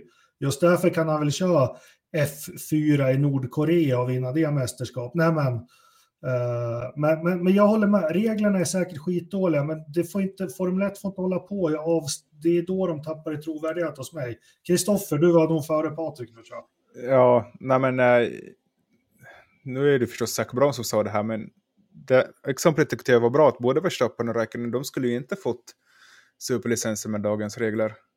Men de klarar ju av det fast liksom, ja, nu vet jag inte om jag hört ett underbarn som Verstappen och Räikkönen, men ska han inte få chansen heller? Jag vet inte. Ge honom i alla fall en FB1 tycker jag. Det vore en bra början att se liksom om man håller farten där i alla fall. Jag fattar inte varför man inte har satt honom få köra en FB1 ännu faktiskt. Jag tror det bara är business med en amerikan och så. Vad säger du Patrik? Jag tycker hela licenspoängsystemet är skräp. Den kom in för att Verstappen var lite för ung och kraschade i början va? Var det inte så från början? Det kan Det man säga. handlar om- Det var väl att man en- ville ta in, man, det skulle inte gå att vara 17 år som Verstappen. Det var väl mer det va? Jo, men precis. De tyckte han var för ung, inte riktigt mogen, bla bla bla vad de nu tjafsade om. Men det handlar om en chaufför som råkar vara ett underbarn. Vi införde ett system som egentligen inte har någon praktisk funktion egentligen, utan stoppar förare från att komma in från andra serier. Alltså vi, vi kan ju bara glömma det här som vi hade vid millennieskiftet när kartförarna åkte över till Europa för att testa liksom. Montoya, Fittipaldi och vad heter han då, skotten? Eh, Ja, det har ju även Dixon, han fick ju också prov. Det- precis. Alltså de fick ju åka fram och tillbaka och testa F1 när man fick testa på den tiden. Hade det varit med- licenssystemet idag, då hade ju inte de fått en chans liksom. För liksom, ja, men de kör ju Indycar, de får inga licenspoäng liksom. Alltså, Men- jag tycker att det hårdrar det hela lite grann. Alltså, till och med Paul Tracy var ju faktiskt och testade F1. Eh, Ja, Det var Por- Por Flavio som... Så jag menar, men, men alltså, jag håller med. Jag gillar inte heller superlicenssystemet på det sättet. Men jag, jag tycker ändå att eh, det är lite som du sa, de tappar trovärdighet om de släpper det nu. Eh, men jag ser över systemet. Sen tycker jag, Mm alltså det, det är märkligt att Colton inte har fått en FP1. Det håller jag verkligen med om. För jag menar, där någonstans skulle man ju definitivt inte börja med att sit, liksom, kolla om man kan få en superlicens. Jag menar, superlicens är ju inte heller någonting, det är ju ingen licens som du får om du har tillräckligt många poäng, utan det är ju någonting som du ansöker om om du ska liksom köra Formel 1. Så att, ja, Anders, är det, är det så konstigt? Du var ju inne på det själv. Vill man att han skriver av en bil på fredagen? Ja, nej men så kan det ju definitivt vara. Men, jag menar, ja. Nej, men jag, jag tycker att det är lite konstigt. Och ska vi snacka har fått en Indycar, nu FP1. har vi värderat den säsongen och allting. Är det någon som ska över och köra så är det Newgarden.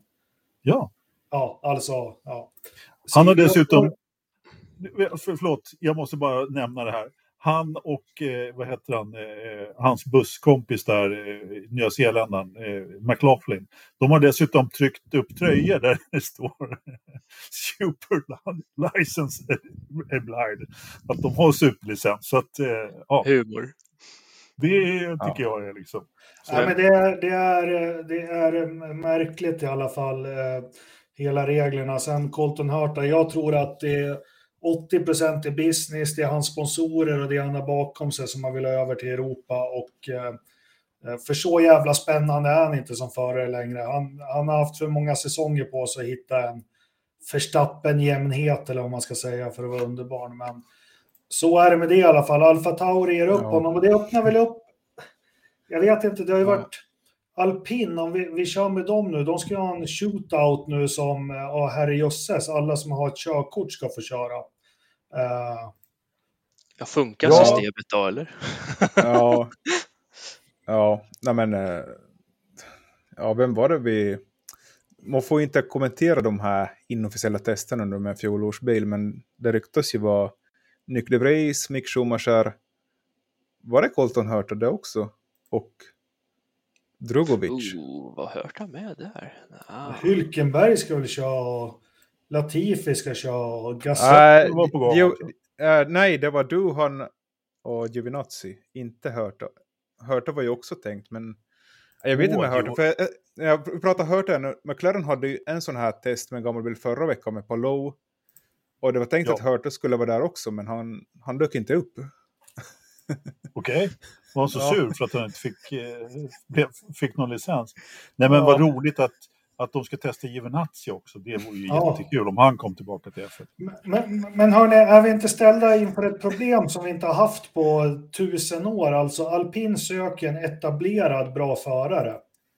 Men det finns ingen. Alltså den enda som finns, som jag tycker är logisk, som jag inte fattar hur man kan förbise, det är ju Ricciardo. Men liksom, Vem? stoppa in... Ja. Nej, det men var hård. vad har Det de? var ju hård. Det finns ju inga att välja på. Hylkenberg har aldrig stått på pallen. Ska de ha in Gasly? Ja, men då har de ju två lika jävla tråkiga fram... Alltså... Ja. Oui, oui. Ja, men Ja. håller ni med mig? Det är en jätteknepig sits och, och en del ryktas som att de försöker locka, för de vill ha ett namn där. De vill ju ha Ja. ett namn. Ja, Ja, men Vettel du måste, skulle ju vara bra där. ja, men Vettel han kommer ju naturligtvis inte fortsätta.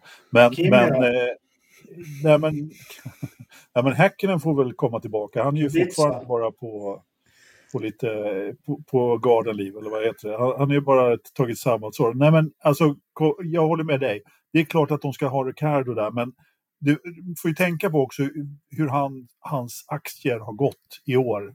Eh, alltså förra året så var de ju fortfarande något sån här lite kvar. Men ge honom ett han, prestationsbaserat kontrakt. Alltså han har ju alla pengar han behöver redan. Ja. Och Eh, det om man gick inte, faktiskt jäkligt bra för honom 2020 tycker jag i Renault. Då, då var han riktigt bra. 2019, ja, Ja. men 2020 var han bra. Och det Men det roliga var också vara- för fan, vem var de gjorde sig av med för att få in Ricciardo? Vem var det? Var det Hulken? Han nej, Alonso? Nej. Nej. Nej. Vilket år är vi nu på? Ja, men 18, var det inte Sainz och Hulkenberg som körde 18? Jo, Sainz var Jo, där innan. var Så kom, Ja, kom men då det tar de bort en av dem för att få in Rick. Alltså det, de, och, och vilka, de har ju inget juniorprogram. De har ju liksom, nej. Oh. Men de har ju ett juniorprogram. De har ju Jack Doohan. Ja, men det levererar ju inte. Då har de ju inte. Ska de inte Ja, lägga nej, ner juniorprogrammet nu då? Jo. De är ju ledsna. Ja, Ja, men men de ska ha något sånt här som förr i världen, det var Elf. I samarbete med Elf tog de fram förare. Ja. Får jag prata nu? Okej. Ja. Sista bara, in med Grosjean. Eller hur? Eller hur? Nej, men eftersom Piastri försvann så blev det ju en lucka där. De, hade ju liksom, de var ju vikt till Piastri naturligtvis. Men problemet med Ricardo, det är inte bara det att han inte har presterat eh, och att han inte presterar.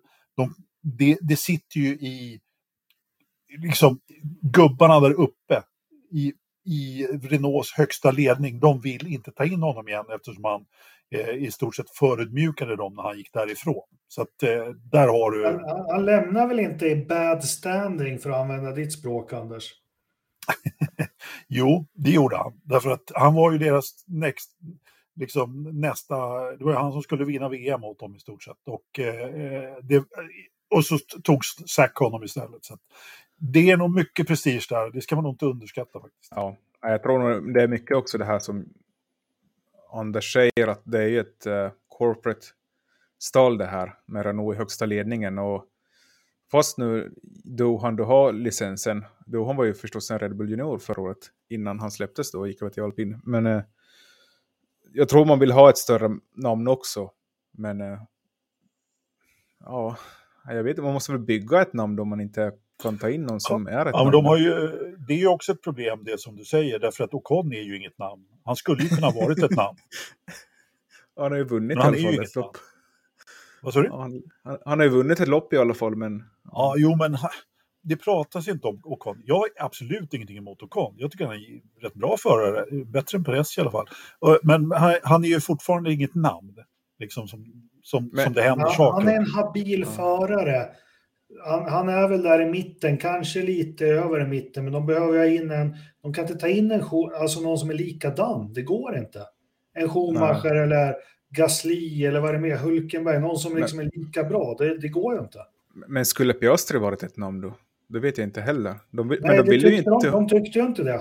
Nej, de vill ju ha Nej, men honom i deras bedömning var att han inte var det. Ja.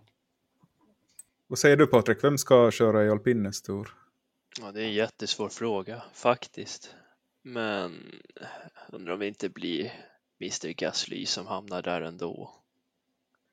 Jag ser ingen annan lösning för de är ändå fransmän.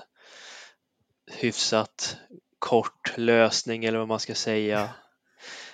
Jag vet Ja, det inte kan vad en- alpins vision är. Ska de heta Renault nästa år och göra ett helfranskt alla 82? Jag vet inte vad de har för planer i Paris liksom. Alltså, det kan ju hända där som du säger att det blir bara en, ett ettårskontrakt med den som kommer dit. Ja, Troligtvis. Ja, men vem väntar de på då? då? Vem väntar de på? Är Dohan kul? Jag visste inte vem Ja. han var förrän han körde F2 i helgen. I princip. Ja, Nej, men jag har tänkt tanken också att de, en interimförare i väntan på vem? Ja, eller så tar de De Vries helt enkelt som är det hetaste namnet just nu efter Italiens där, där, där, är också så här alla... Alltså... Släpper Toto Wolf honom då? Ja, men det har han gjort redan. Han, han, han var ju på... Han, jo, men han var ju på möte i, i Gras med, med Helmut Marko i fredags. Det var ju liksom... Ah. Det var ja, ju... Fris, jag, jag, jag, blir lite så här förvånad över Formel 1-depån och oss fans. För liksom, det var ett skitsnyggt debutlopp, men lugna er, det var Monza. Eh, ja, ja, alltså ta det lugnt nu. Alltså, nu ska alla, precis som att, ursäkta Anders, nu menar jag inget illa, men som alla skulle skriva med Alesi en gång i tiden. Du, du menar visst illa? Ja, jo, men ja, har vi några mer sådana? Nej, men du har helt rätt. Du har helt rätt. Därför att det var en fantastisk debut och han gjorde det riktigt bra. Men, men visst, han kanske inte är den, eh, den nästa Verstappen eller Leclerc eller vad man ska säga. Killen är ju trots allt 26-27 eller något sånt där. Så att, ja. eh, men, men samtidigt så kan det ju vara det som gör det att han gjorde en sån pass stabil debut. Han, han var liksom inte 18 och, och hyper liksom ny på det sättet. Så att, men jag, jag skulle definitivt vilja se honom i Singapore innan jag skriver kontrakt med honom. Ja, det, absolut. Ja, För liksom han... Det är två hårda inbromsningar så är det några fullfartshöger. Uh, ingen regn, ingen liksom, det är inte så mycket komponenter att, att ta hänsyn till uh, som det kanske är i Singapore eller om det regnar på spa eller något sånt. Det ska bli ja. intressant att se hur han klarar fukten och värmen i Singapore, för han var ju helt ja. slut efter Monza. Tunnis. Jag tycker det här är, jag tycker det här är ett av de bästa silly på länge, för liksom alpin vet inte vem de ska ha. Alfa Tauri vill ha bort Gasly egentligen, för Gasly ser ingen framtid så Red Bull och vice versa. Uh, Haas står liksom vid sidlinjen och sitter och, och väntar vad som händer tills alla pusselbitar faller på plats. Uh, vem är det mer? Williams, jag vet inte vad som händer där. De pratar väl också med DeVries, men jag tycker de skulle ha sanat honom redan om... Ja, men det, det pratas väl om att det redan är klart eh, ja. med DeVries. Eh, med Alfa Tauri? Ja, precis, med Alfa Tauri. Ja. Det, det, tror jag, det, det är nog rätt tveksamt egentligen, men eh, det, det, låt, det låter så. Ibland så är de där röksignalerna rätt, men jag, måste väl, jag vet inte om jag tycker att det är den bästa silly men det, det händer i alla fall grejer. Det, det, rör lite grann på sig helt klart. Oh. Även om det kanske inte är i toppfältet av eh, bilarna som det händer så, så det jättemycket. Då. Nästan lika intressant silly som 1987. Den, den var... Gör en snabb resumé då. Ja, Vad händer? Ja, Piqué, Piqué lämnar liksom ett Williams som han vinner. Och går till Lotus går till Lotus som han tror mycket på. Eh, Williams vägrar att ta emot en japan som förare och blir av med Honda. Alltså, det var ju den här Honda-motorn som stod, mm. som Senna tog med sig eh, till McLaren från Lotus. Och egentligen så tog ju Piqué med sig. Eh, det var en riktig silly alltså. Men körde inte Lotus på Honda? Det var väl jo, de körde med Honda, men ja. det var ju Nakajima tack vare honom. Men sen var ju... Just det, sen handlade det om det att Honda tyckte ju så fantastiskt bra om Senna och om Piqué. Mm. Uh, så det var, det var en dubbelmacka som Kristoffer brukar säga. Uh, det var en riktig, och sen hade vi Lillövis där som sökte säte och hamnade i, i dåtidens alpin. Då. Det var en riktigt bra silly 87. Men då var allting ja. klart på Monza. Ja, jo, det brukar ju bli klart här. Men det intressantaste Inte också... Inte nu för tiden. Men nu är det ju Nej, klart det kan, ju, innan. det kan ju komma på Barcelona-testerna kan det ju ändra fortfarande. Men uh, vad ska Ricciardo göra då i all den här soppan, tycker ni? Ricciardo ska köra alpin eller så ska han lägga av helt. Det är liksom... Uh, jag tycker han är, han, han är faktiskt... Han är värd att reinkarnera... Uh, han är värd, eller han är inte det egentligen, men det finns ju en kapacitet där, så jag tycker att han är vettigast att köra i alpin. Ge han ett år där. Och så ska han ta, han ska ta 25 procent mer poäng än, än, än uh, Ocon. Bang. Han flyttar till Los Angeles och målar tavlor med Lill-Lövis. alltså, jag tror tyvärr att Ricardo skulle kunna göra det och lägga ratten, hjälmen på hyllan. tyvärr. Jag skulle jättegärna vilja se Ricardo i något annat. Eh, Supercars, varför inte? Eller jättegärna Indycar, men jag tror tyvärr inte det. Eh, han men... tackade nej till McLaren i Indycar, va? Gjorde inte han det? Ja, så har jag förstått det. För de ville ja. ju behålla ja. honom i familjen, men äh, ja, känns ju konstigt också att liksom vara kvar där och man inte duger för F1. Såklart. Såklart. Jag, menar, det, jag vet inte om det är så jätteofficiellt, men, men det har väl ryktats om det i alla fall. Eh, helt klart. Eh, men eh, jag, jag, tror, jag hoppas också att han får en, en chans till faktiskt. Vi får väl se. Ja, intressant blir det i alla fall. Jag vet inte. Det bästa vore ju att han ändå... Jag vet inte, folk är så negativa till det här tredje förare hos Mercedes. Förstås, man kan ju inte ta en tredje förarroll med tanke på att liksom tänka att jag kan få den när Hamilton slutar. Utan jag tänker väl mest att det finns ju andra förare som Kviat och Albon och sådana här som har haft en testförarroll ett år och sen lyckats komma tillbaka för de ändå har liksom hållit sig uppdaterade med vad som händer i F1 fast de inte har kört aktivt under en säsong. Skulle han kunna bli intresserad för att han har lite Merca-data kanske? Ja, till exempel. Möjligt. Och... Kvite var väl hos Ferrari ett år. Då kommer han tillbaka jo. på grund av det. Ja, men det där. Vet ni vad vi gör när det är off-season? Då bjuder jag in Patrik nu. Då tar vi de stallen som finns och så, så plockar vi ner alla racerförare som finns. Vilka vill vi se i F1 och i vilka bilar? Det tyckte jag var en kul lek. Det tycker jag. Jag är på. Då kommer Kristoffer bara, jag vill att Botta ska köra det, Mika det, Eike det, Kimmy det. Nej, men det är väl skitkul. Ja, vi ska se nu. Vi ska försöka få den här pusselbiten på plats här. Det enda jag undrar också varför inte Alfa Romeo kan bekräfta så, för han verkar ju trivas bra där ändå. Mm. Det verkar inte vara någon osämja. Nej, Har han mycket pengar från Kina eller? Ja, delvis. Är det osäkert med Kinas Grand Prix och pengar där? Med bara 35 miljoner dollar. Och så var ju också en alpin junior som mm, de tappade. Var. Och så sen tappade de Piastri och nu vill de inte ha Jack Dohan. Jag vet inte, vad är det med alpin och sina juniorer? Varför har man ens juniorer?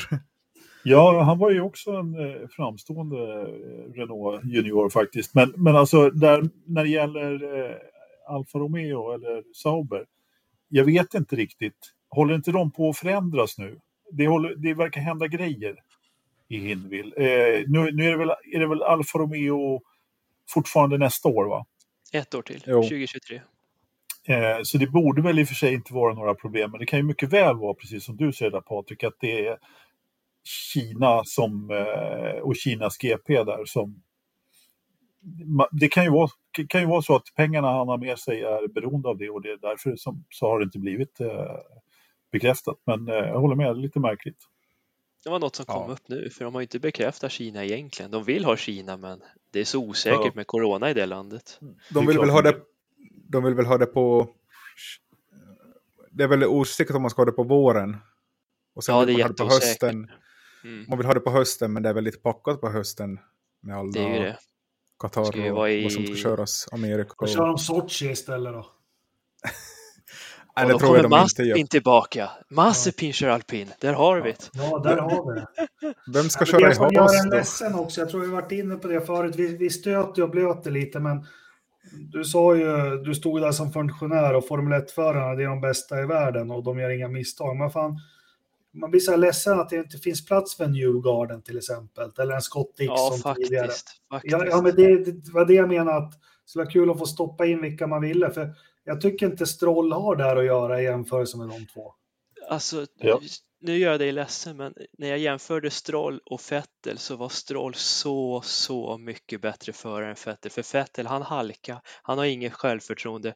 Stroll, eh, bilen var inte rolig att köra, men han hade i alla fall koll på den. Och tyvärr så var det lite samma i McLaren. Norris visste vad McLaren gjorde. Ricardo, han var ju olika spår varje varv. Han var ju jätteosäker vart han skulle men bromsa bilen. Du upptäckte så, men kan vi dra ja. lite mer? Hur så, vem särskilde sig körstilsmässigt då som du tycker? Var det någon eh. som gjorde helt annorlunda? Vi har ju Alonso med han, han har ju alltid varit lite Ja, men alpinbilarna, alpinbilarna var rätt stabila. Alltså de var rätt lika bägge två, Alonso och Con, det tycker jag. Norris och Ricardo, de var jätteolika. Eh, de, Norris hade sin linje som han nötte hela tiden. Eh, Ricardo, han var för tidigt ena gången, för långt andra gången, drev ut för mycket, släppte på bara. Han, han, är inte säker i den bilen. Och Aston mm. Martin, den ser bara obehaglig ut att köra. Men Oj. Stroll lyckas ändå få dit han vill. Det gör inte Vettel. Williamsbilen log bra, men var långsam. Man såg jämfört med de andra, den, den är långsam. Den har inte riktigt all grepp i, i aerodynamiken. Liksom. Ferrarin, okej. Okay. Leclerc tyckte jag hade lite mer känsla ändå ut ur kurvan än vad Sainz hade. Sainz gillar att vara högt upp på curbsen. Det är väl att försöka tjäna lite mer hastighet till nästa antar jag. Red Bull, Verstappen och Perez, det var ganska odramatiskt. De, de nötte på samma linje liksom. Har jag glömt något team? Ja, det har jag säkert. Haas, Haas. Magnusen ja. bromsar på sig väldigt ofta. Han hade svårt att hitta bromspunkten. Schumacher ja. var ändå rätt lugn. Valtteri då? Alfa Romeo, ja. Sauber har jättesvårt att få in fronten. Bägge bilarna. De glider ut, de har svårt att få in den där de vill. De har ingen fäste i fronten. De bara luta sig fram i sittbrunnen. Ja, lite så. Rotera. Svårt att rotera, jättesvårt att rotera. Det var det ordet jag sökte. Hatar ja. rotera. Liksom. Alfa, Taur, Alfa Tauri, det, det, var olika. Sonoda var där, Gasly var där och så var det tvärtom nästa varv. Det, det var jojo på de två. Men Sonoda, han är en jävla akrobat liksom. Det är, ja, lite så. Det Men, kan bli... jag tycker... Det här, du, ja. det här du säger om McLaren där, Norris och, och Ricardo, det, har man ju, det, det kan man ju se genom tv-rutan. Ja. Eh, de här andra kanske är lite, lite det är där är det ju lite mer nyanser på det sättet. Men just McLaren-bilarna, det är så tydligt. Så att, ja, och, jag, och jag förstår fortfarande inte hur det kan vara det. Det är en gåta för mig alltså. Ja, men de har ju samma problem med bilen, Norris och Ricciardo, sägs det att båda upplever. Men det är väl Norris som kan hantera det bättre. Men det som är så häftigt att stå vid sidan om så där, som man försvinner i tv. Jag är jätteintresserad av det här du pratar om. Det är därför jag rekommenderar alla att kolla på Rob Wilson på hans när han är med lite ibland. Och, och, ja, men du kan höra när de lägger på gasen, du kan höra hur de lägger på gasen. Eh, när de gör det och, och, ja, liksom, och sen om det är bara en halv meters skillnad på hur de tar sig in i kurvorna eller tre decimeter. Alltså det är stora skillnader man, som du aldrig märker på tv. Du ser inte på tv liksom på samma sätt. Nej, det, det, det ser man bara på riktigt. Och ja. speciellt när man är så nära som jag ändå fick förmånen ja. att vara. Och sådana här små, små upplåsningar som man kanske inte ens ser på tv ja, ibland. Ja. När du står så här vid Apex och så. Det, ja, det är häftigt. Var det inte Jacques Villeneuve som hade, han hade så litet spel på gasen. Mm. Jo, han, 12 millimeter eller vad det var. Ja, det var liksom bara mm. ingenting i stort sett. Det var, de hade aldrig var det när han kom till Williams då som de... Ja. Det var, det var lite typiskt honom också. Det var ju bara för att alla hävdade att han var ju som bara för att liksom utmärka sig. Och det var det Damon Hill sa lite historiskt också, att ja, han var skitsnabb, men han kommer få problem under en säsong. Sen hade ju han det också, det har vi sagt förut, han hade ju inte paddel så här som alla andra. Utan han skötte allt med en paddel. Växla upp från sig och växla ner. Så. Och som en eh, rallybil. Ja, precis. Så, ja. så körde Choc. alltså jag... ja, det var inte meningen att, att, att vira bort eh, från, ja. från eh, dagens ämne. Eh, det är spännande, spännande. Ja, nej, jag tycker det är intressant att jag har liksom varit på plats nästan alla lopp den här säsongen, men ingen frågar sådana här frågor av mig. Men när Patrik är här, då fan. Men du pratar ju bara Instagram och tjejer och... och, och... Martini och paraplydrink. Ja, men, men, men, men, men, men då kan jag puffa om de som vill höra sånt så finns det ett avsnitt av Resebilspodden där jag är med som kommer till förra veckan. Ja, man måste gå till en annan podcast för att få höra hur mitt liv fungerar. Här pratar vi bara liksom eh, broms... Men Kristoffer, Kristoffer, du, du, ja. du är bara, det är bara liksom, det är allas podd här. Det är bara att... Ska jag ta för mig? Som, äh. Ja, och prata, det är inga problem. Äh. Ja, men det här med körstilar, det är någonting jag, skulle, jag har tänkt på sen vi startade. Ha, Alltså jag är så fascinerad av det liksom. Erland Prost förut, liksom ingen kunde köra en Prostbil För han skulle ha understyrt, den skulle ju bara hasa liksom. Eh, det var hans sätt, men alltså har vi Ronny Pettersson som skulle ha en bil som stod på nosen och det är samma nu liksom. Varför kan inte Kimi Räikkönen komma i närheten av Alonso 2014? Nej, men han kunde inte hantera och få in, alltså. Jag tycker det är så jäkla intressant. Jag tycker det är det här när jag är tjurig ibland, Kristoffer. Varför, varför tar de inte upp sånt här på, på tv-sändningar och, och liksom fördjupar sig lite i det? det? För det är så himla intressant. Man förenklar det liksom och, och liksom säljer ut en produkt att ah, men det är 20 förare, de kör precis likadant. Och så är det en som har en bättre bil. Och han vinner. Men du vet, tv det ska vara lättsmält, alla ska kunna förstå det. Uh, man har ju en väldigt bra publik, det finns ju... Men vad fan, kollar du en fotbollsmatch, då står de ju och ritar trianglar och diamanter och, och man har tränat på det här i veckan och det här uppspelet. Det ger ju faktiskt lite mer om man är lite... Då, då lär man sig ju... Alltså, kan tv hjälpa en att se saker du inte har sett förut, då är det bara en vinst för alla.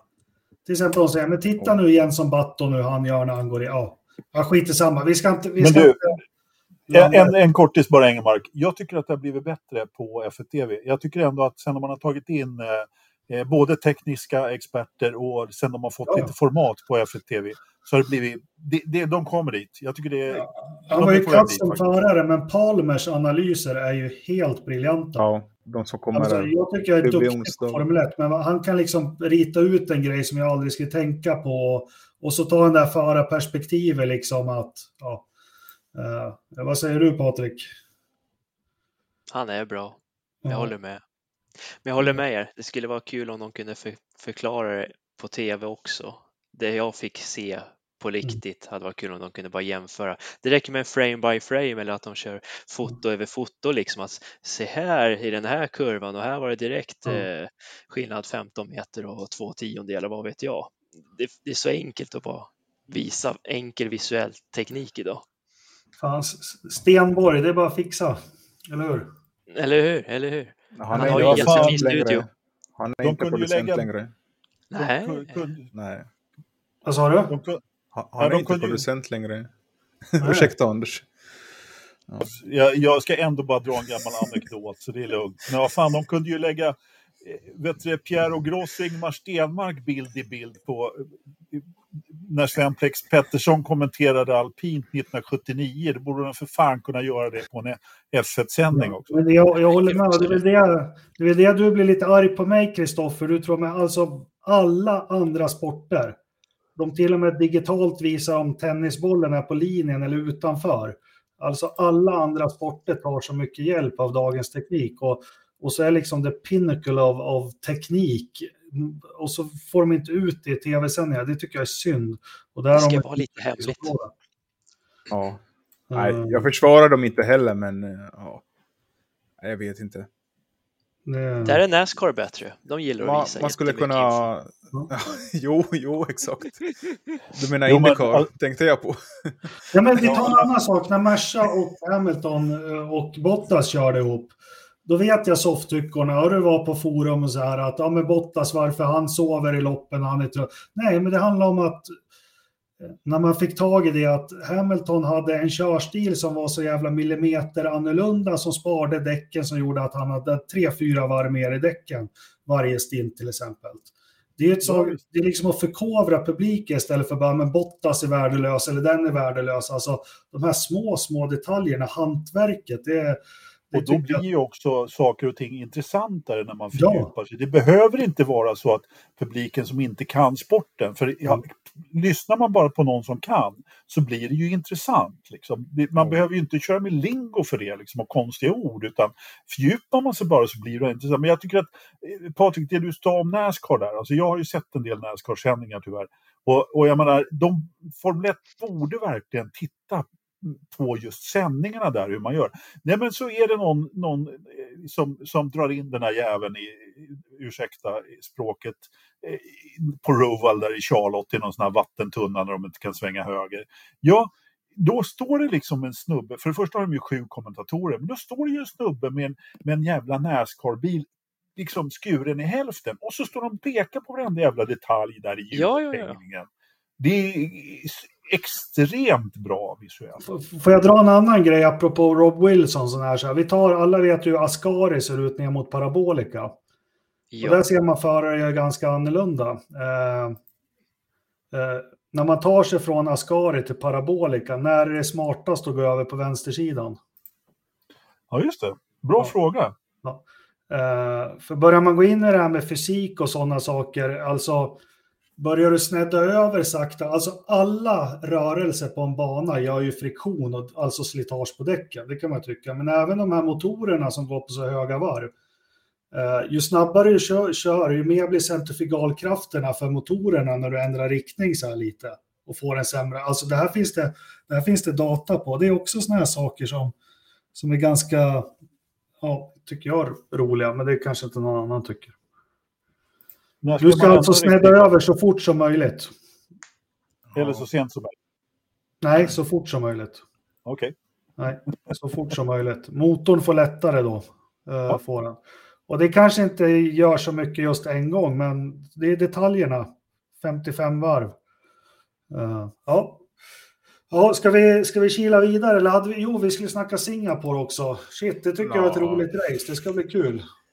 Ja, jag ska nämna här också, Robert Schwarzman ska ju få köra FP1 för Ferrari. Ry, uh, Rysk-israelienaren. Heter det så? Han ska Ja, köra i... Han Asien kör på israelisk licens nu för tiden. Ja, exakt. Och det, det är väldigt ovanligt för Ferrari sätter in någon annan i, under en tävlingshelg. Men det är ju den här nya regeln med att man måste köra en junior eh, under två FB1 då, under säsongen. Och det är ju många som inte har uh, planerna färdigt ännu med sex lopp kvar. Ja, just det. Det var ju eh, Nykter Frys. Eh, han har ju lite fler chanser där att få köra ännu fler FB1 annars. Ja. ja, jag undrar om det räknas som man använder samma förare. Men, Ja, han har ju kört, ja det gör det. De, han har ju kört tre, i och för sig nu har han ju kört ett lopp, så nu är han ju inte junior längre i och för sig. Det, där sket det sig faktiskt. Eh, nej, men, nej, men det, det är väl två lopp man måste ha kört för att inte räknas som junior. Aha, så tror kan det vara. Okej, okej. Ja, för han körde ju för tre stall där i alla fall. Ja. Ja, Mercedes, Williams och... Men gjorde han Just det. FB1 också för Williams eller? Ja. Ja, just det, i Spanien. Ja, det var så länge sedan. just Och så blir, och så blir det väl eh, Sargent som får köra i Austin, hemmaloppet. Just det. Colton Hurta vet... Han skulle ju också passa i... Ja, till exempel då USA och sen lägger man Pato i Mexiko. Skulle ju vara festligt. Ja, För de har ju det aldrig är kört som en... Jakob, Jakob säger att då kan han ju lägga en bil på sidan där. på Kota. Ja, det är långa avkörningszoner i alla fall. På Kota. Alltid något. Alltid. Ja. Ja men Jakob, Singapore, ditt favoritlopp? Eller? Ja, ja men det, jag tycker det är kul där. Det, eh, det ska bli roligt att se de här klumpedunsarna, 950 kilos bilarna, eh, orma sig runt där. Får vi se, vad får vi se första fem varven? Är det, kommer de köra inom 15 sekunder från kvaltiderna? Som de gjorde förra året när de bara... Missförstå mig rätt, jag tycker Singapore alltid har varit ett kul lopp att kolla på. Inte förra året, det var flera år sedan. Ja. De har inte kört det Nu är, förra bil, året. nu är de ännu Ja. tyngre, Anders, bilarna. De är Ännu det. säkrare. De kan köra ännu närmare varandra. Ja. Vem, var, vem, var, vem var snabbast i Ungern då? Var inte det Merca och eh, Red Bull gick väl Ja. rätt bra va? Om en Merca funkar när de bankar på allt som går liksom neråt på den. Mm. För det har jag sett ett mönster genom åren. Ungern och Singapore, de är Ja. lika varandra. Tredje sektorn Barcelona och Monaco. Jajamän, jajamän. Där Ja, har väldigt också. mycket pengar. Ja. Ja. Nej men uh, Singapore-kvalen är ju magiska där liksom med liksom det här mörkret och ja, alltihopa. Sen uh, loppen som ni säger är ju en variation av både bra och dåliga. Någon gång har ju någon, det var ju någon som sprang ut på banan mitt under ett lopp. Jag vet inte om man blev trött på loppet eller vad det var, försökte gå hem. Det här var några Ja, år sedan. det. Det är rätt minns det. länge sedan ja. Ja, och så var det en ödla inne på banan En En varan va? Ja. så det var lite Ja, grejer en, sen. gång, så- en gång så kraschade Nelson Piquet Junior också faktiskt. Ja, Mm. med flit ja. Jo, den har vi hört. Jaha. Men, men har ni sett klippet med, jag visade det här för Mattias Sjödin när vi satt i Belgien, eller var vi var, i Italien. uh, på uppvärmningsvarvet, det finns en video på YouTube när han, han övar ju på den här piruetten på formationsvarvet upp till startgriden. Så gör Piqué just en, en 360 där, där han ska krascha sen. Jag vet inte om ni har sett den, men det är ganska komiskt att se det, någon som filmat från publiken. Ja. Och varför skulle... Fan vad tråkigt om man äh, råkar utföra planen då. jo, jo, exakt. Förbannat! Ja, Skulle göra hoppsan. på var 15, inte innan start, jävla idiot. Ja, jo, men alltså det är ju, vem gör en 360 på ett eh, formationsvarv annars? Det Ja, det har hänt, Det- men eh, kanske inte Ja, vad fan, David. Coulthard, han gjorde det hela tiden, 95. Jaha. Ja. Det var väl Var det två lopp. typ eh, Imola 91 eller något sånt där när det regnade Prost. som fan Prost. innan? Alan Prost. Åkte ju alla av. Ja, men Prost på San Marino, hemma GP. Ja, precis, precis. Ja, det, är, det är faktiskt har varit inte vanligt förekommande och förekommer rätt. Det är faktiskt en av de få gånger som jag har stängt av tvn. Jag satte på den sen igen efter en stund, men jag blev så besviken. alltså det, var- då, det var det liksom sån här läge. Hade jag, liksom, det var, hade jag ägt tvn, jag tror inte det var min, så hade jag typ kastat ut den. Det var ett sånt läge i alla fall. Det var A fy. Jag kommer, ihåg, kommer ni inte ihåg Alonso var ju först med de här otroligt aggressiva däckvärmningen. Kommer ni ihåg det? Den här Renaulten hade som var va? så stiv så den lyfte till och med ett framhjul. Men han, han var ju, jag tror det var 08 när han kom tillbaka. Han var ju, han fick för mycket. Men han klarade av det till slut. Så det, ja, men det, det händer en hel del sådana där grejer. Mm. Jo, det hände mycket i Singapore också. Mm. Ja, jag Ja, göra men en precis. kvart Den här dubbelmackan med Ferrari och Verstappen, den är ju... ja, mitt när bästa Kimi minne. tog av hela startfältet. Ja, det var ju Verstappens fel. Nej, Fettel, Fettel, han skulle aldrig ha bytt linje. Stolpskott, Ja. där förlorade han VMet. Ja, jag är det gjorde han. fortfarande arg för det. Ja, Alltså jävla, han startade på tvåan då också, han fick bra start. Vad, vad ska han in där och göra? Jag Det tristaste inte. av allt, det var, det var väl Alonso hade ju ett bra lopp på gång och han blev han ju totalknockad sen i andra kurvan av, av det där. Kommer Ja. ihåg. Karambolage. Ja, det kom ju den, 2012 var ett spännande lopp. Lewis Hamilton bryter i ledning och det var väl på kvällen sen som Niki Lauda smet upp. Du skulle verkligen köra den där bilen som bara går sönder hela tiden och sen så var det ett Just det. Merca-kontrakt. Uh, så det var ett häftigt lag. ja. 2010 Alonso. Ja, jo, men Sing jag tycker det är kul. Jag tycker det är Singapore kul. är kul. Ja. Jag håller med. Ja. Och Vad så säger går det du, bra. Anders? Bra, bra Europatid. Mm. Ja, jag, jag gillar också Singapore faktiskt. Eh, Jag tycker det är en eh, trevlig helg. Men eh, nu går vi vidare. Ja, vi, kommer, vi kommer ju lotta ut de här kepsarna efter Singapores GP. Så ni har ju tid på er tills dess. Att vara med i utlottningen av en När- keps från När det är Singapore, det är inte nu till helgen. Är det nästa? Nästa. nästa helg? Näst, nästa. Ja. Nej, Vi nu före helgen då är det uppsättning av kök, Anders. Är det så? Ja, Nej, vi är, Ängelmark, på, kök. ja. vi är på Mantorp med West Coast Motorsport. Nej, nu har jag dragit el hela jävla helgen som var, så nu, nu ska kök upp. Indycar? Ursäkta? Nej, det är ingen Indycar i helgen. Nej, men ska vi prata Indycar eller? Ja, Ja. vi åker över har ju försökt Atlanten. att vara på väg dit i fem minuter här. Ja, men vi, vi tar väl den stora tjofräsen tycker jag för oss då. Jag satt mitt i, jag hade kört in i någon konstig bussfil där bara bussar fick köra i Gävle, men jag var ändå tvungen att ringa Lövström och liksom prata lite om Felix Rosenqvist får fortsätta en McLaren. Uh, uh, skitbra tycker jag. Tycker Ja, du var lite stressad där Gävle. Ja, det var ju spårvagnar. Sen kom jag på att det fan finns ju inga spårvagnar i, i, i Gävle. Då började jag titta på de här svamparna jag hade käkat innan. Vad fan, det kanske inte heller var så bra. Uh, ja, det löste sig. Men eh, ack så glad var jag över den här nyheten. Va, vad säger ni tre? Börja med Patrik. Då. Ja, men det var väl kul. Det varit lite nervösa månader ändå vad han ska göra och inte göra. Men jag tycker det har löst sig väldigt fint det här. Vi har fortfarande två svenskar i Indycar. Det tycker jag är kul. Hoppas vi får en tredje, men jag vet inte hur det går för honom. Ja, då ska Linus. Kenny comeback. Linus va? Ja, går väl Linus. Jo, men nu var, han, har ju, han har väl, ja men det var ju, det pratade om förra veckan va? Det är Mm. svårt att få fram motorer, eller hur var det?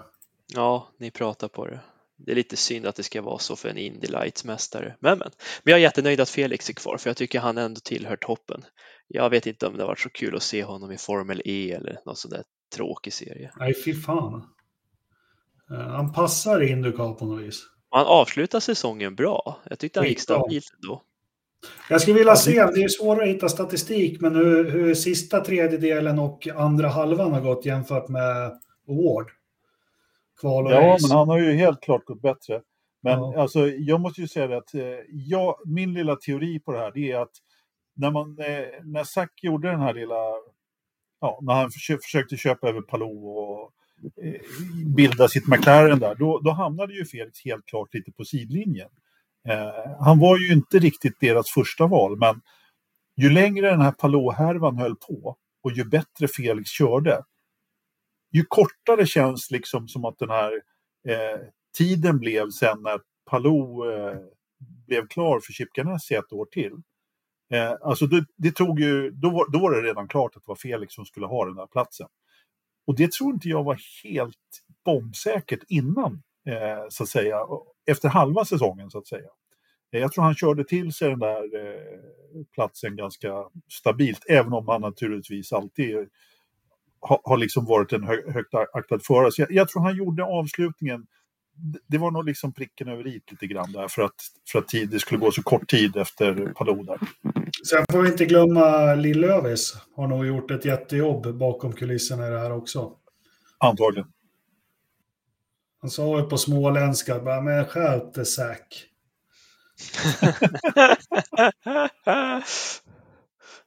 Antagligen, antagligen. Nej, men det är, alltså man kan ju inte säga annat än att det var Palou då. Eh, att han, och, och just den där vändningen då, att han eh, blev kvar då i, i Chip Ganassi. Den, jag hade inte förväntat mig det faktiskt. Det, det, kan jag ju, det, det kan jag ju säga. Jag trodde faktiskt inte de skulle komma överens. Men det hjälpte nog att han... Eh, eh, de måste ju ha hittat någonting däremellan. Alltså. Helt klart. Jag vet inte, hans agenter har väl liksom gjort åkt till, eh, åkt, åkt till Indianapolis, gjort avbön eller någonting. Jag vet inte. Eh, Nej, men vi var inne på det i telefon du och jag. Just det. vart inte överens om att vi fan inte fram till jul här nu så kan det nog komma ett pressmeddelande att Alex Palou has a new management, bye bye bye. Ja, jo. Det skulle inte Jag tror- förvåna mig. Bara, eller inte Zack, men Chip kom med klackringen här på lillfinger och så bara, ja men du kan få köra kvar, men de där idioterna vill jag aldrig se här igen. Sparka är- dem. Ja. Det är inte helt omöjligt. Hans managementbolag från Monaco där, de, de har nog gjort sitt, får vi hoppas. Ja. Sjukt häftigt namn, Chip. Ja. Nästan lika häftigt som han som kör i The Lights där. eh, Stingray Rob. ja. Som Nej, men det känns ju så. har- har fått fart dessutom, av någon anledning. Vad jag har läst om den här historien är att uh, Zac Brown vill ju ändå... Jag antar de har förhandlat för det verkar som att uh, Palou kommer nu då till McLaren 2024 och uh, att han ändå ska få fortsätta testa F1 nu då. Så det har väl blivit någon slags Med, överenskom... Ja, exakt. Medling, överenskommelse att uh, okej, vi, vi sköter det här. då. Så det var ju Felix smal och lycka. Då känns det som. Eller? Jag vet inte. Kanske Felix skulle vara aktuellt då att ta Palous plats. Om det inte Ja, men skulle... när röken har lagt sig, det skulle vara kul att få reda på liksom någon kan göra en tidslinje. För, för det är inte bara Palou och hans management. Zack har ju liksom, alla verkar ha gjort misstag. Den, den enda Mm. som har sett lugn i båten på något vis, det är ju Felix i hela den här soppan med, eh, med allt och alla. Eller han har väl varit tvungen att sätta lugn i båten. Ja, såklart. Han har ju bara liksom sett vid sidan och sett de andra krascha ihop liksom och, och Mm. vänta på, på slotten. man skulle vilja veta. Palou, Palou liksom bara, vad fick dig att göra det här? Det, det, det är ju en, en kennel alltså begraven eller vad brukar ja, du säga? Men det är ju jättesvårt att spekulera naturligtvis. Men precis som du säger, det är klart att det har varit förhandling här. Men jag menar, uppenbart är ju att Palou hade kontrakt med McLaren. Och det kontraktet, hur det såg ut, har ju förmodligen gjort att man nu har kunnat skjuta på det så att säga ett år. Eh, men att då han får testa F1 under tiden. För jag menar, det var ju förmodligen, liksom, det måste ju någonstans ha stått där att det, nu ska vi lösa det här med chip först så att säga. Även om det då verkade som att de hade inte riktigt eh, liksom, torrt på fötterna då när de, eh, när de förhandlade med, med SAC. Men uppenbarligen så har det ju funnits någon utväg där i alla fall. Men, men Patrik, du som har följt amerikansk racing mycket, Chip har ju, har ju varit verksam i Nascar och så också. Va, vad säger du? Vad har, är han aktad? Är han en tuffing liksom? Hur, han är hård. Han är hård. Han, mm. eh, han vet vad han vill ha. Han mm. tar det han vill ha oftast. Han höll ju på att stryka faktiskt med under ett lopp i Michigan 84 tror jag var. Han gjorde en jätte jättekrasch där han yes. höll på att dö liksom vet inte om han blev härdad efter det liksom. Nej, Men han är det... väldigt högt aktad. Han är, han är ju den som styr amerikansk bilsport. Han har ju liksom IMSA-team, han kör ju Extreme E, det är ju Nascar, det är Indycar. Han är ju överallt där det finns fyra hjul i USA i princip och har gjort det med goda resultat egentligen. Men det man aldrig får grepp om med de här stallägarna som jag tycker är svårt, som är intressant, om vi säger som Chip Ganassi Racing då, är de, är de stadgade ekonomiskt? Alltså har de mycket pengar i, i, på bankboken, om du förstår vad jag menar. Hur, hur mår de här teamen ekonomiskt? Det är, det är starka team, men det är lite, vad ska man säga, Red Bull-effekt. Säljer de ingen burk då får de inga intäkter och då dör ju produkten och då dör ju hela verksamheten. USA hade jättebekymmer när det blev covid, när det inte var någon körning och inga intäkter från tv och sponsorer som inte kunde betala och då förarna skulle ha sina löner och mekaniker ska ha löner. Och det var därför Nascar framförallt var så himla mån att få igång en tävlingsverksamhet under pandemin så fort de bara kan. De var ju först i världen av alla sportevenemang att få till något. De kom väl igång där i Darlington mitten maj eller något sånt där. Då hade vi haft pandemi i två månader och F1 tog det väl ytterligare två månader till innan de kunde köra. Så för amerikansk del så, det, så är det jätteviktigt för dem att keep the business continuing running liksom. Men de, de känns skörare teamen ekonomiskt, men jag kanske inbillar mig. Men... Chip Ganassis businessmodell är att vinna. Han säljer inga bilar. Nej. Han måste vinna Nej. för att kunna leverera. Ja. Jag tänker de kanske inte är så här att om de får ett bötesstraff som McLaren fick på 100 miljoner euro, att de bara, men det är inga problem. Kan nog vara lite kämpigare. Då kanske ja. man får stänga någon verksamhet det året för att täcka ja. upp det då liksom. Hur är det om, om vi går ner de här lägre teamen då i Indycar? Jag, tänk, jag tänker på, på om Linus ska få chansen, allt vad de heter, Meyershank och, och allt. Uh, där känns det som det är lite slak lina kanske. If you got the money you can race. Ja. Tyvärr, det, ja. deras businessmodell är att köra och helst ta poäng och få prispengar från tv-bolag och sponsorer. Yes. Ja. Ja, jag vet nej, inte men... hur riktigt kontraktsmässigt det ser ut, men Formel 1 det, det liksom binder dem till flera år framöver. Indycar känns mer lopp by lopp. Liksom. Prispengarna i Formel 1 är hemliga, det tycker jag är lite synd, men de har väl det fortfarande. Jag vet ju då när det var lite mer, men sån som Ronnie Pettersson, han drog väl in mer i prispengar än i lön. Mm. Uh, ja, det ryktas ja. ju dessutom att uh, när han vann så då var det ju ingen fest på söndag där, men när Reine vann, då, ja, då. Då, var det, då, då bjöds det friskt. Eh, ja. Men när Ronny vann, då var Barbro där och tog pengarna. Nej, inte Barbro, det var mamman. Jag, jag har till och med sett den här bangen. Han förde ju kassabok när men som sagt Reine, det var ju... Jag körde han in 10 000 på ett efterlopp, då var det superfest, så var pengarna slut. Jajamän. Den vägen skulle jag också att gå. Ja. Uh, ja, ja. Hade vi något mer om Indycar då? Uh... Ja, de har högsta tittarsiffrorna i USA på sex år. Så det läste jag. Så det är väl bra för, för dem. dem. Ja, det behöver de. Ja, de försöker ju bli ett, en internationell serie med all den här Indycar Live eller vad den heter, den här egna tjänsten typ. Indycar TV. Vad heter den? Där Indy Lights också går. Jag kommer aldrig på namnet. Ja, den är helt hopplös i alla fall. Eh, vad, vad Ridderstolpe än säger så är den inte bra. Ja, den heter något Indy TV eller någonting sånt där. Ja, Ja, hop- hoppas den kommer liksom, eh, att de lyckas dela som med F1 TV till nästa år så man kan liksom välja fritt. ja det vore trevligt. Men tänk vi som är motorsportintresserade som bara den och har varit med länge. Tänk om man kan få upp Indycar där de var på 90-talet, början av 2000-talet. För då var det häftigt alltså. Absolut. Kart. Ja, Kart. ja men det, Det var, var, det det var var manligt. riktigt häftigt. Och, och, man hade på något vis, jag har jätterespekt för mästerskapet nu, men man hade mer respekt för det då. Eh, Det var väl också för att det var väldigt mycket namnkunniga förare som gick dit. Eh, Jag menar, Nigel Mansell gjorde ju egentligen att mästerskapet lyfte ett, par steg. Eh, när var det? 90 eller 91? 93. Eh, 93 va? Ja, Efter okej. VM. Jag.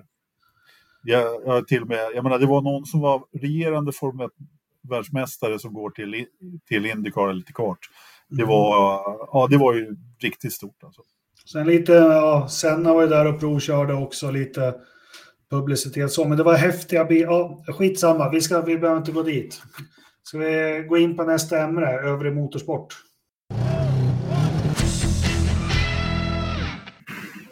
Som vanligt då, det har varit en motorsportfri helg för vissa, i alla fall för mig. Jag koncentrerar mig på den här jävla husrenoveringen, så jag, jag lämnar över ordet till er petrolheads.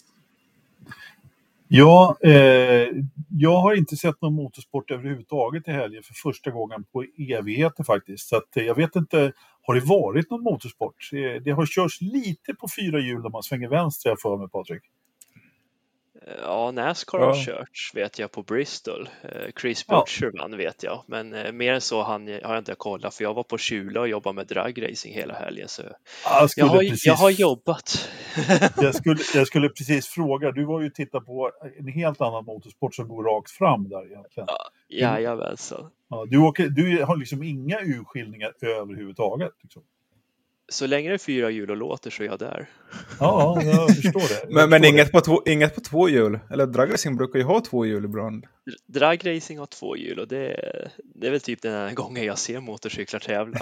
Jag skulle aldrig åka frivilligt och se på någon sån där MotoGP eller Superbike. Och sånt där. Nej, jag, det är inget som Va? intresserar mig. Det är Ja, helt rätt alltså- Patrik. Till och, med motorcyk- till och med Vad- motorcyklarna i dragracing brukar ju ha ett hjul till där bak så att de inte stegrar och har sig. Så att. Precis, precis. Men eh, Kristoffer, du kan ju, du kan ju orera ut om dina tvåhjulingar där. De har vi kört i helgen. Ja, Jag trodde Patrik skulle vara på min sida med MotoGP, men alltså det väldigt Nej, få ledsen. som inser charmen med MotoGP. Men, Jag har inte eh, följt MotoGP sen typ, eh, vad heter han, Casey Stoner sluta. För när han Ja. slutade då tyckte inte jag det var något kul längre. Jaha, det var då jag började titta efter han vann. Men nu ser det ut som uh, Ducati kanske vinner sin andra titel.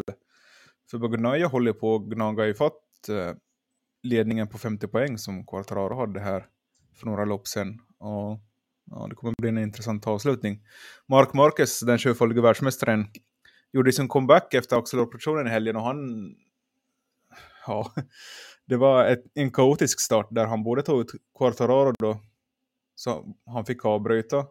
Och samtidigt så knuffade han omkull äh, eh, Takaki Nakagami som... Äh, det blev, man fick nästan hålla för ögonen där när han gled mitt på banan med kanske fem sex motorcyklar runt sig. Det var, man var väldigt rädd att han skulle...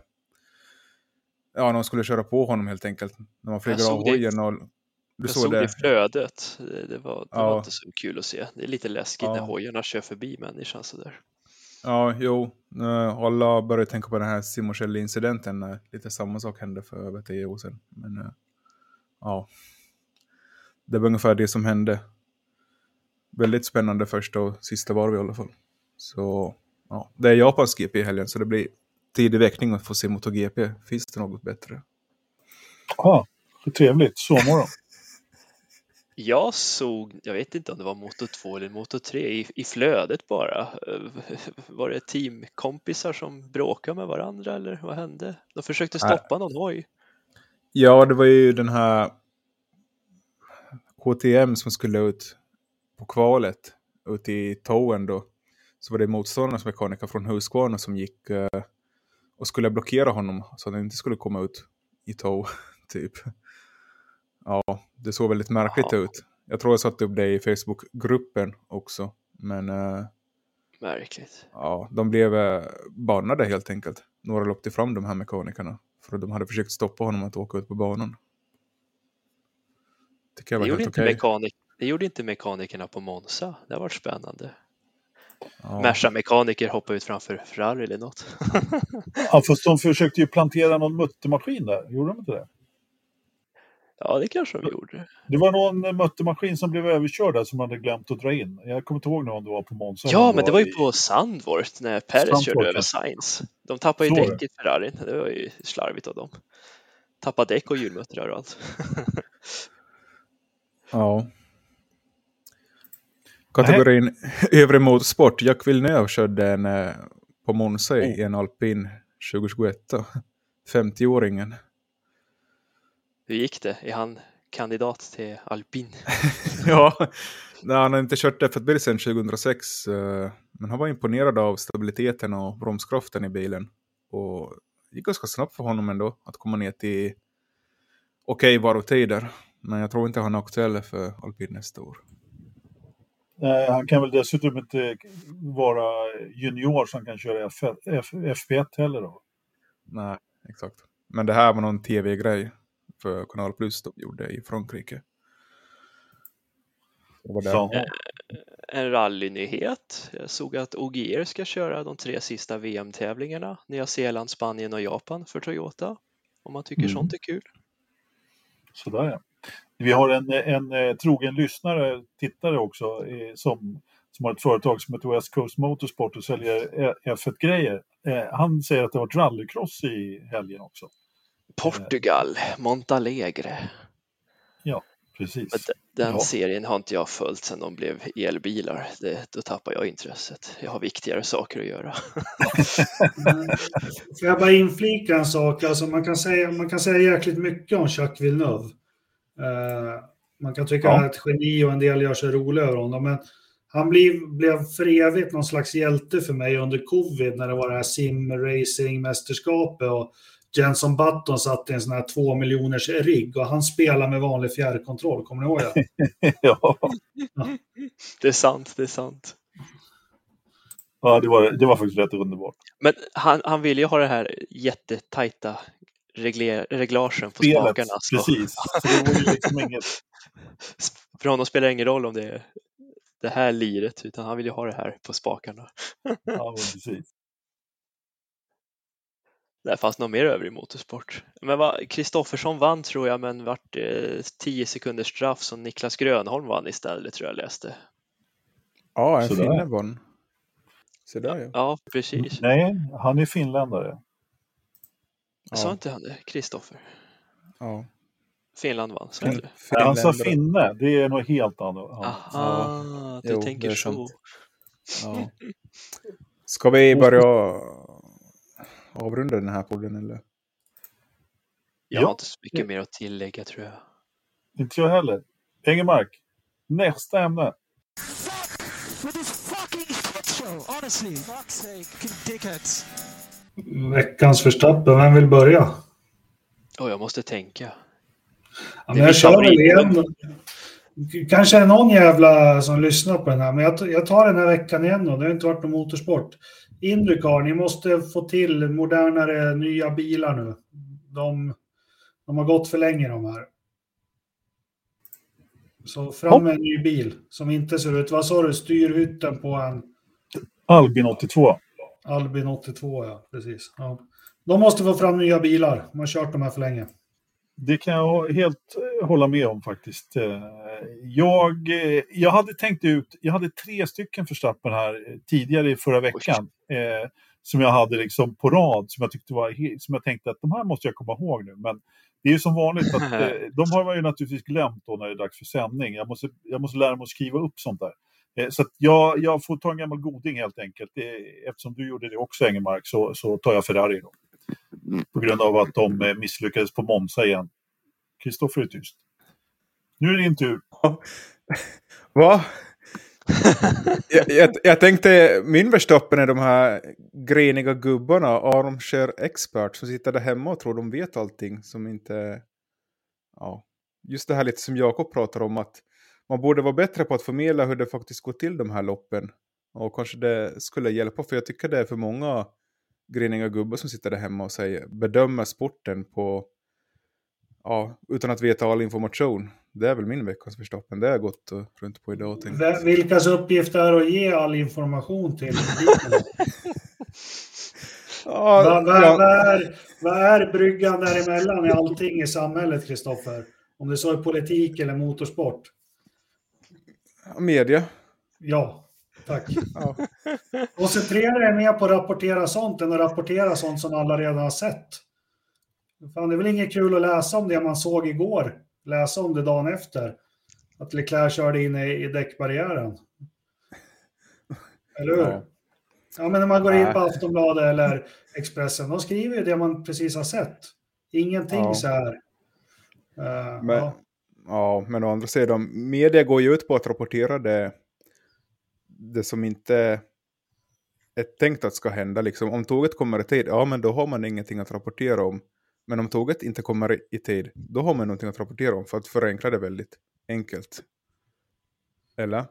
Det är ju därför det blir de här rubrikerna. Som, Alltså, Sen kommer 1 till väl ha politik. armchairs, armchairs eh, publik, Drive to. Survive. Ja, men alltså, de, det, vi har ju snackat om det förut, då var ju du faktiskt lite emot.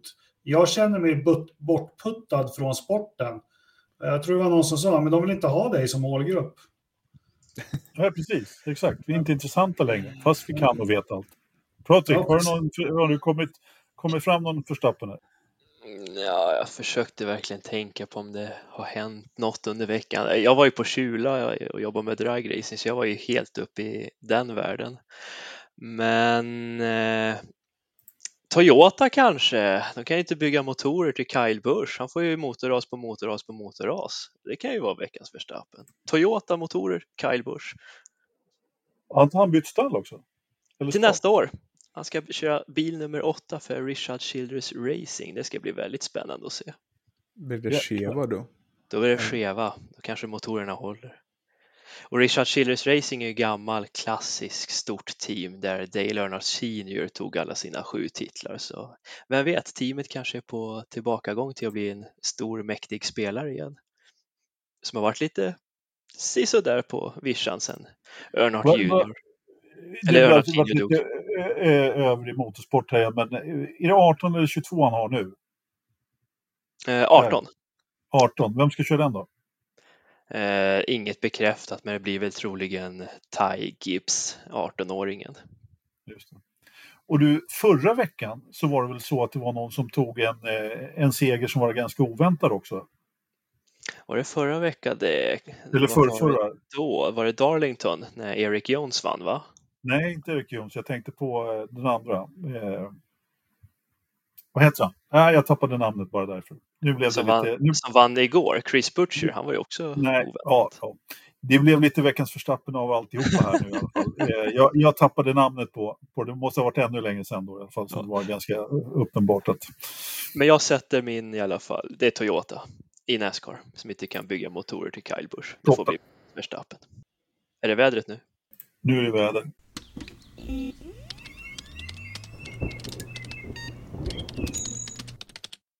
Ah. Nu vart det tyst. Fullkomligt tyst. Ska vi inte ha något väder? Då säger jag det i alla fall. Att det var... Jag var mutad, förlåt. Jag pratar som bara den. Skitsamma, det händer ingenting med fågelbord eller någonting. Men ni som kanske följer mig på Facebook och så. Fan, jag stod och drog el här med elektrikerna i helgen. Så tittade jag ut genom köksfönstret. stod en stor jävla älg med horn och allting på tomten. Helt obekymrad var den. Eh, Så då skulle man haft Skalberg här. Mm. Ja, definitivt. Med bössan i högsta hugg. Alltså, Ja. när man står sådär nära en älg, då, då upptäcker man hur stora de är. Liksom. Ja, det är Det inga små djur.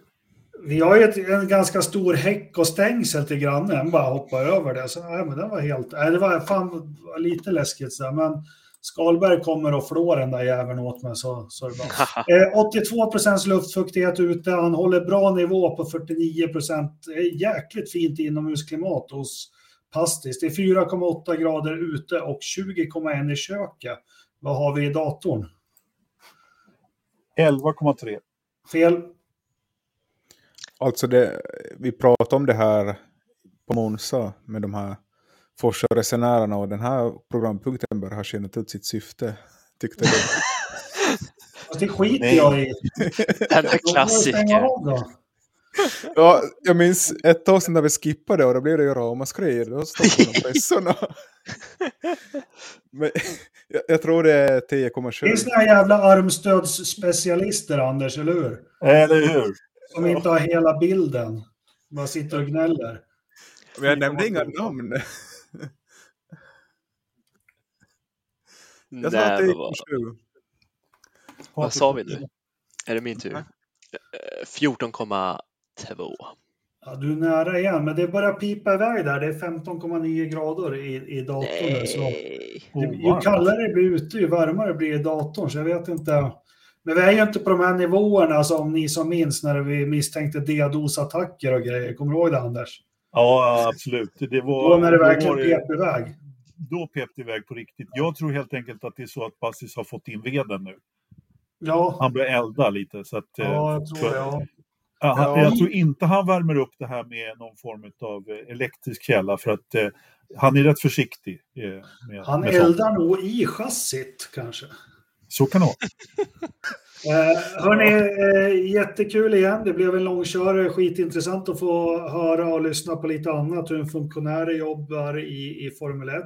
Vi tackar West Coast Motorsport. Eh, in och dela, gilla och säg vilken keps ni vill ha.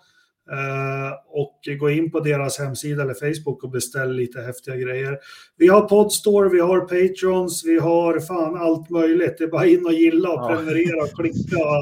Och, vad gör kan- man när klockan aktiverar? Och, ja, Vi kan ju buffa för våra, dina kvartingar också, Jakob. Vi, ja, kvartingarna ja. när ska du Herregud. släppa en ny? Nej, nu ska vi köra de här gamla ett tag. Eh, vi. Men jag har redan spelat in, det var ju någon som ville ha finska stormaktstiden. Jag har spelat in den. Har du det? Ja, två sekunder. Nej, skämt åsido, det skulle bli ett långt program. Och Finland, storhetstid i motorsport, det, de har haft väldigt... Ja, det skulle vara kul att bita i den och gå in lite i rally och roadracing kanske också.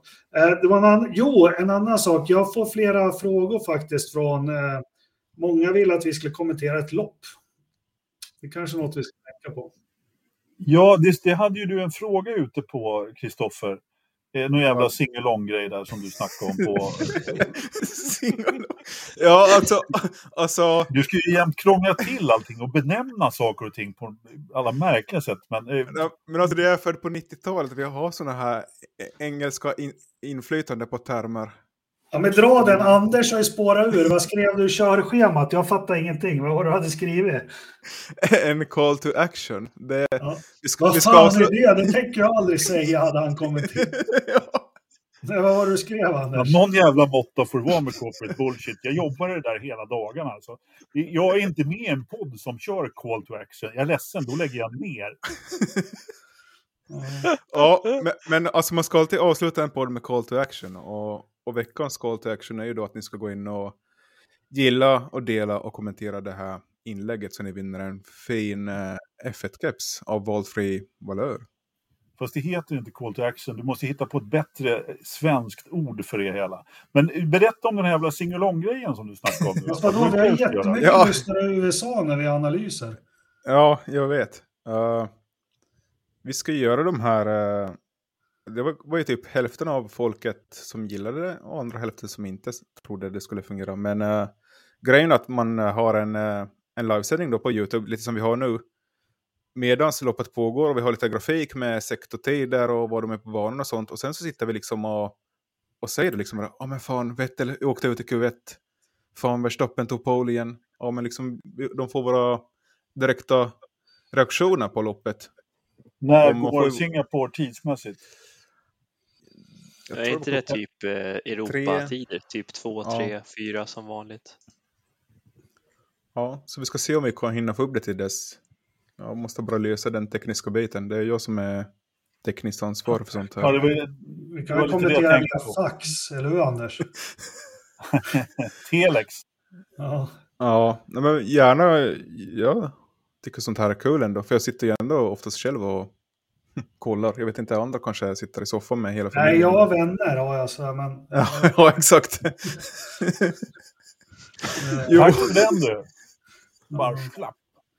Nej, men, men- eh, nej, men vi, är- vi är på på alla idéer. Det är kul att interagera med er. Det är, fan, det är ni som är sidan och forumet och podden och allting. Det är inte, det är inte vi.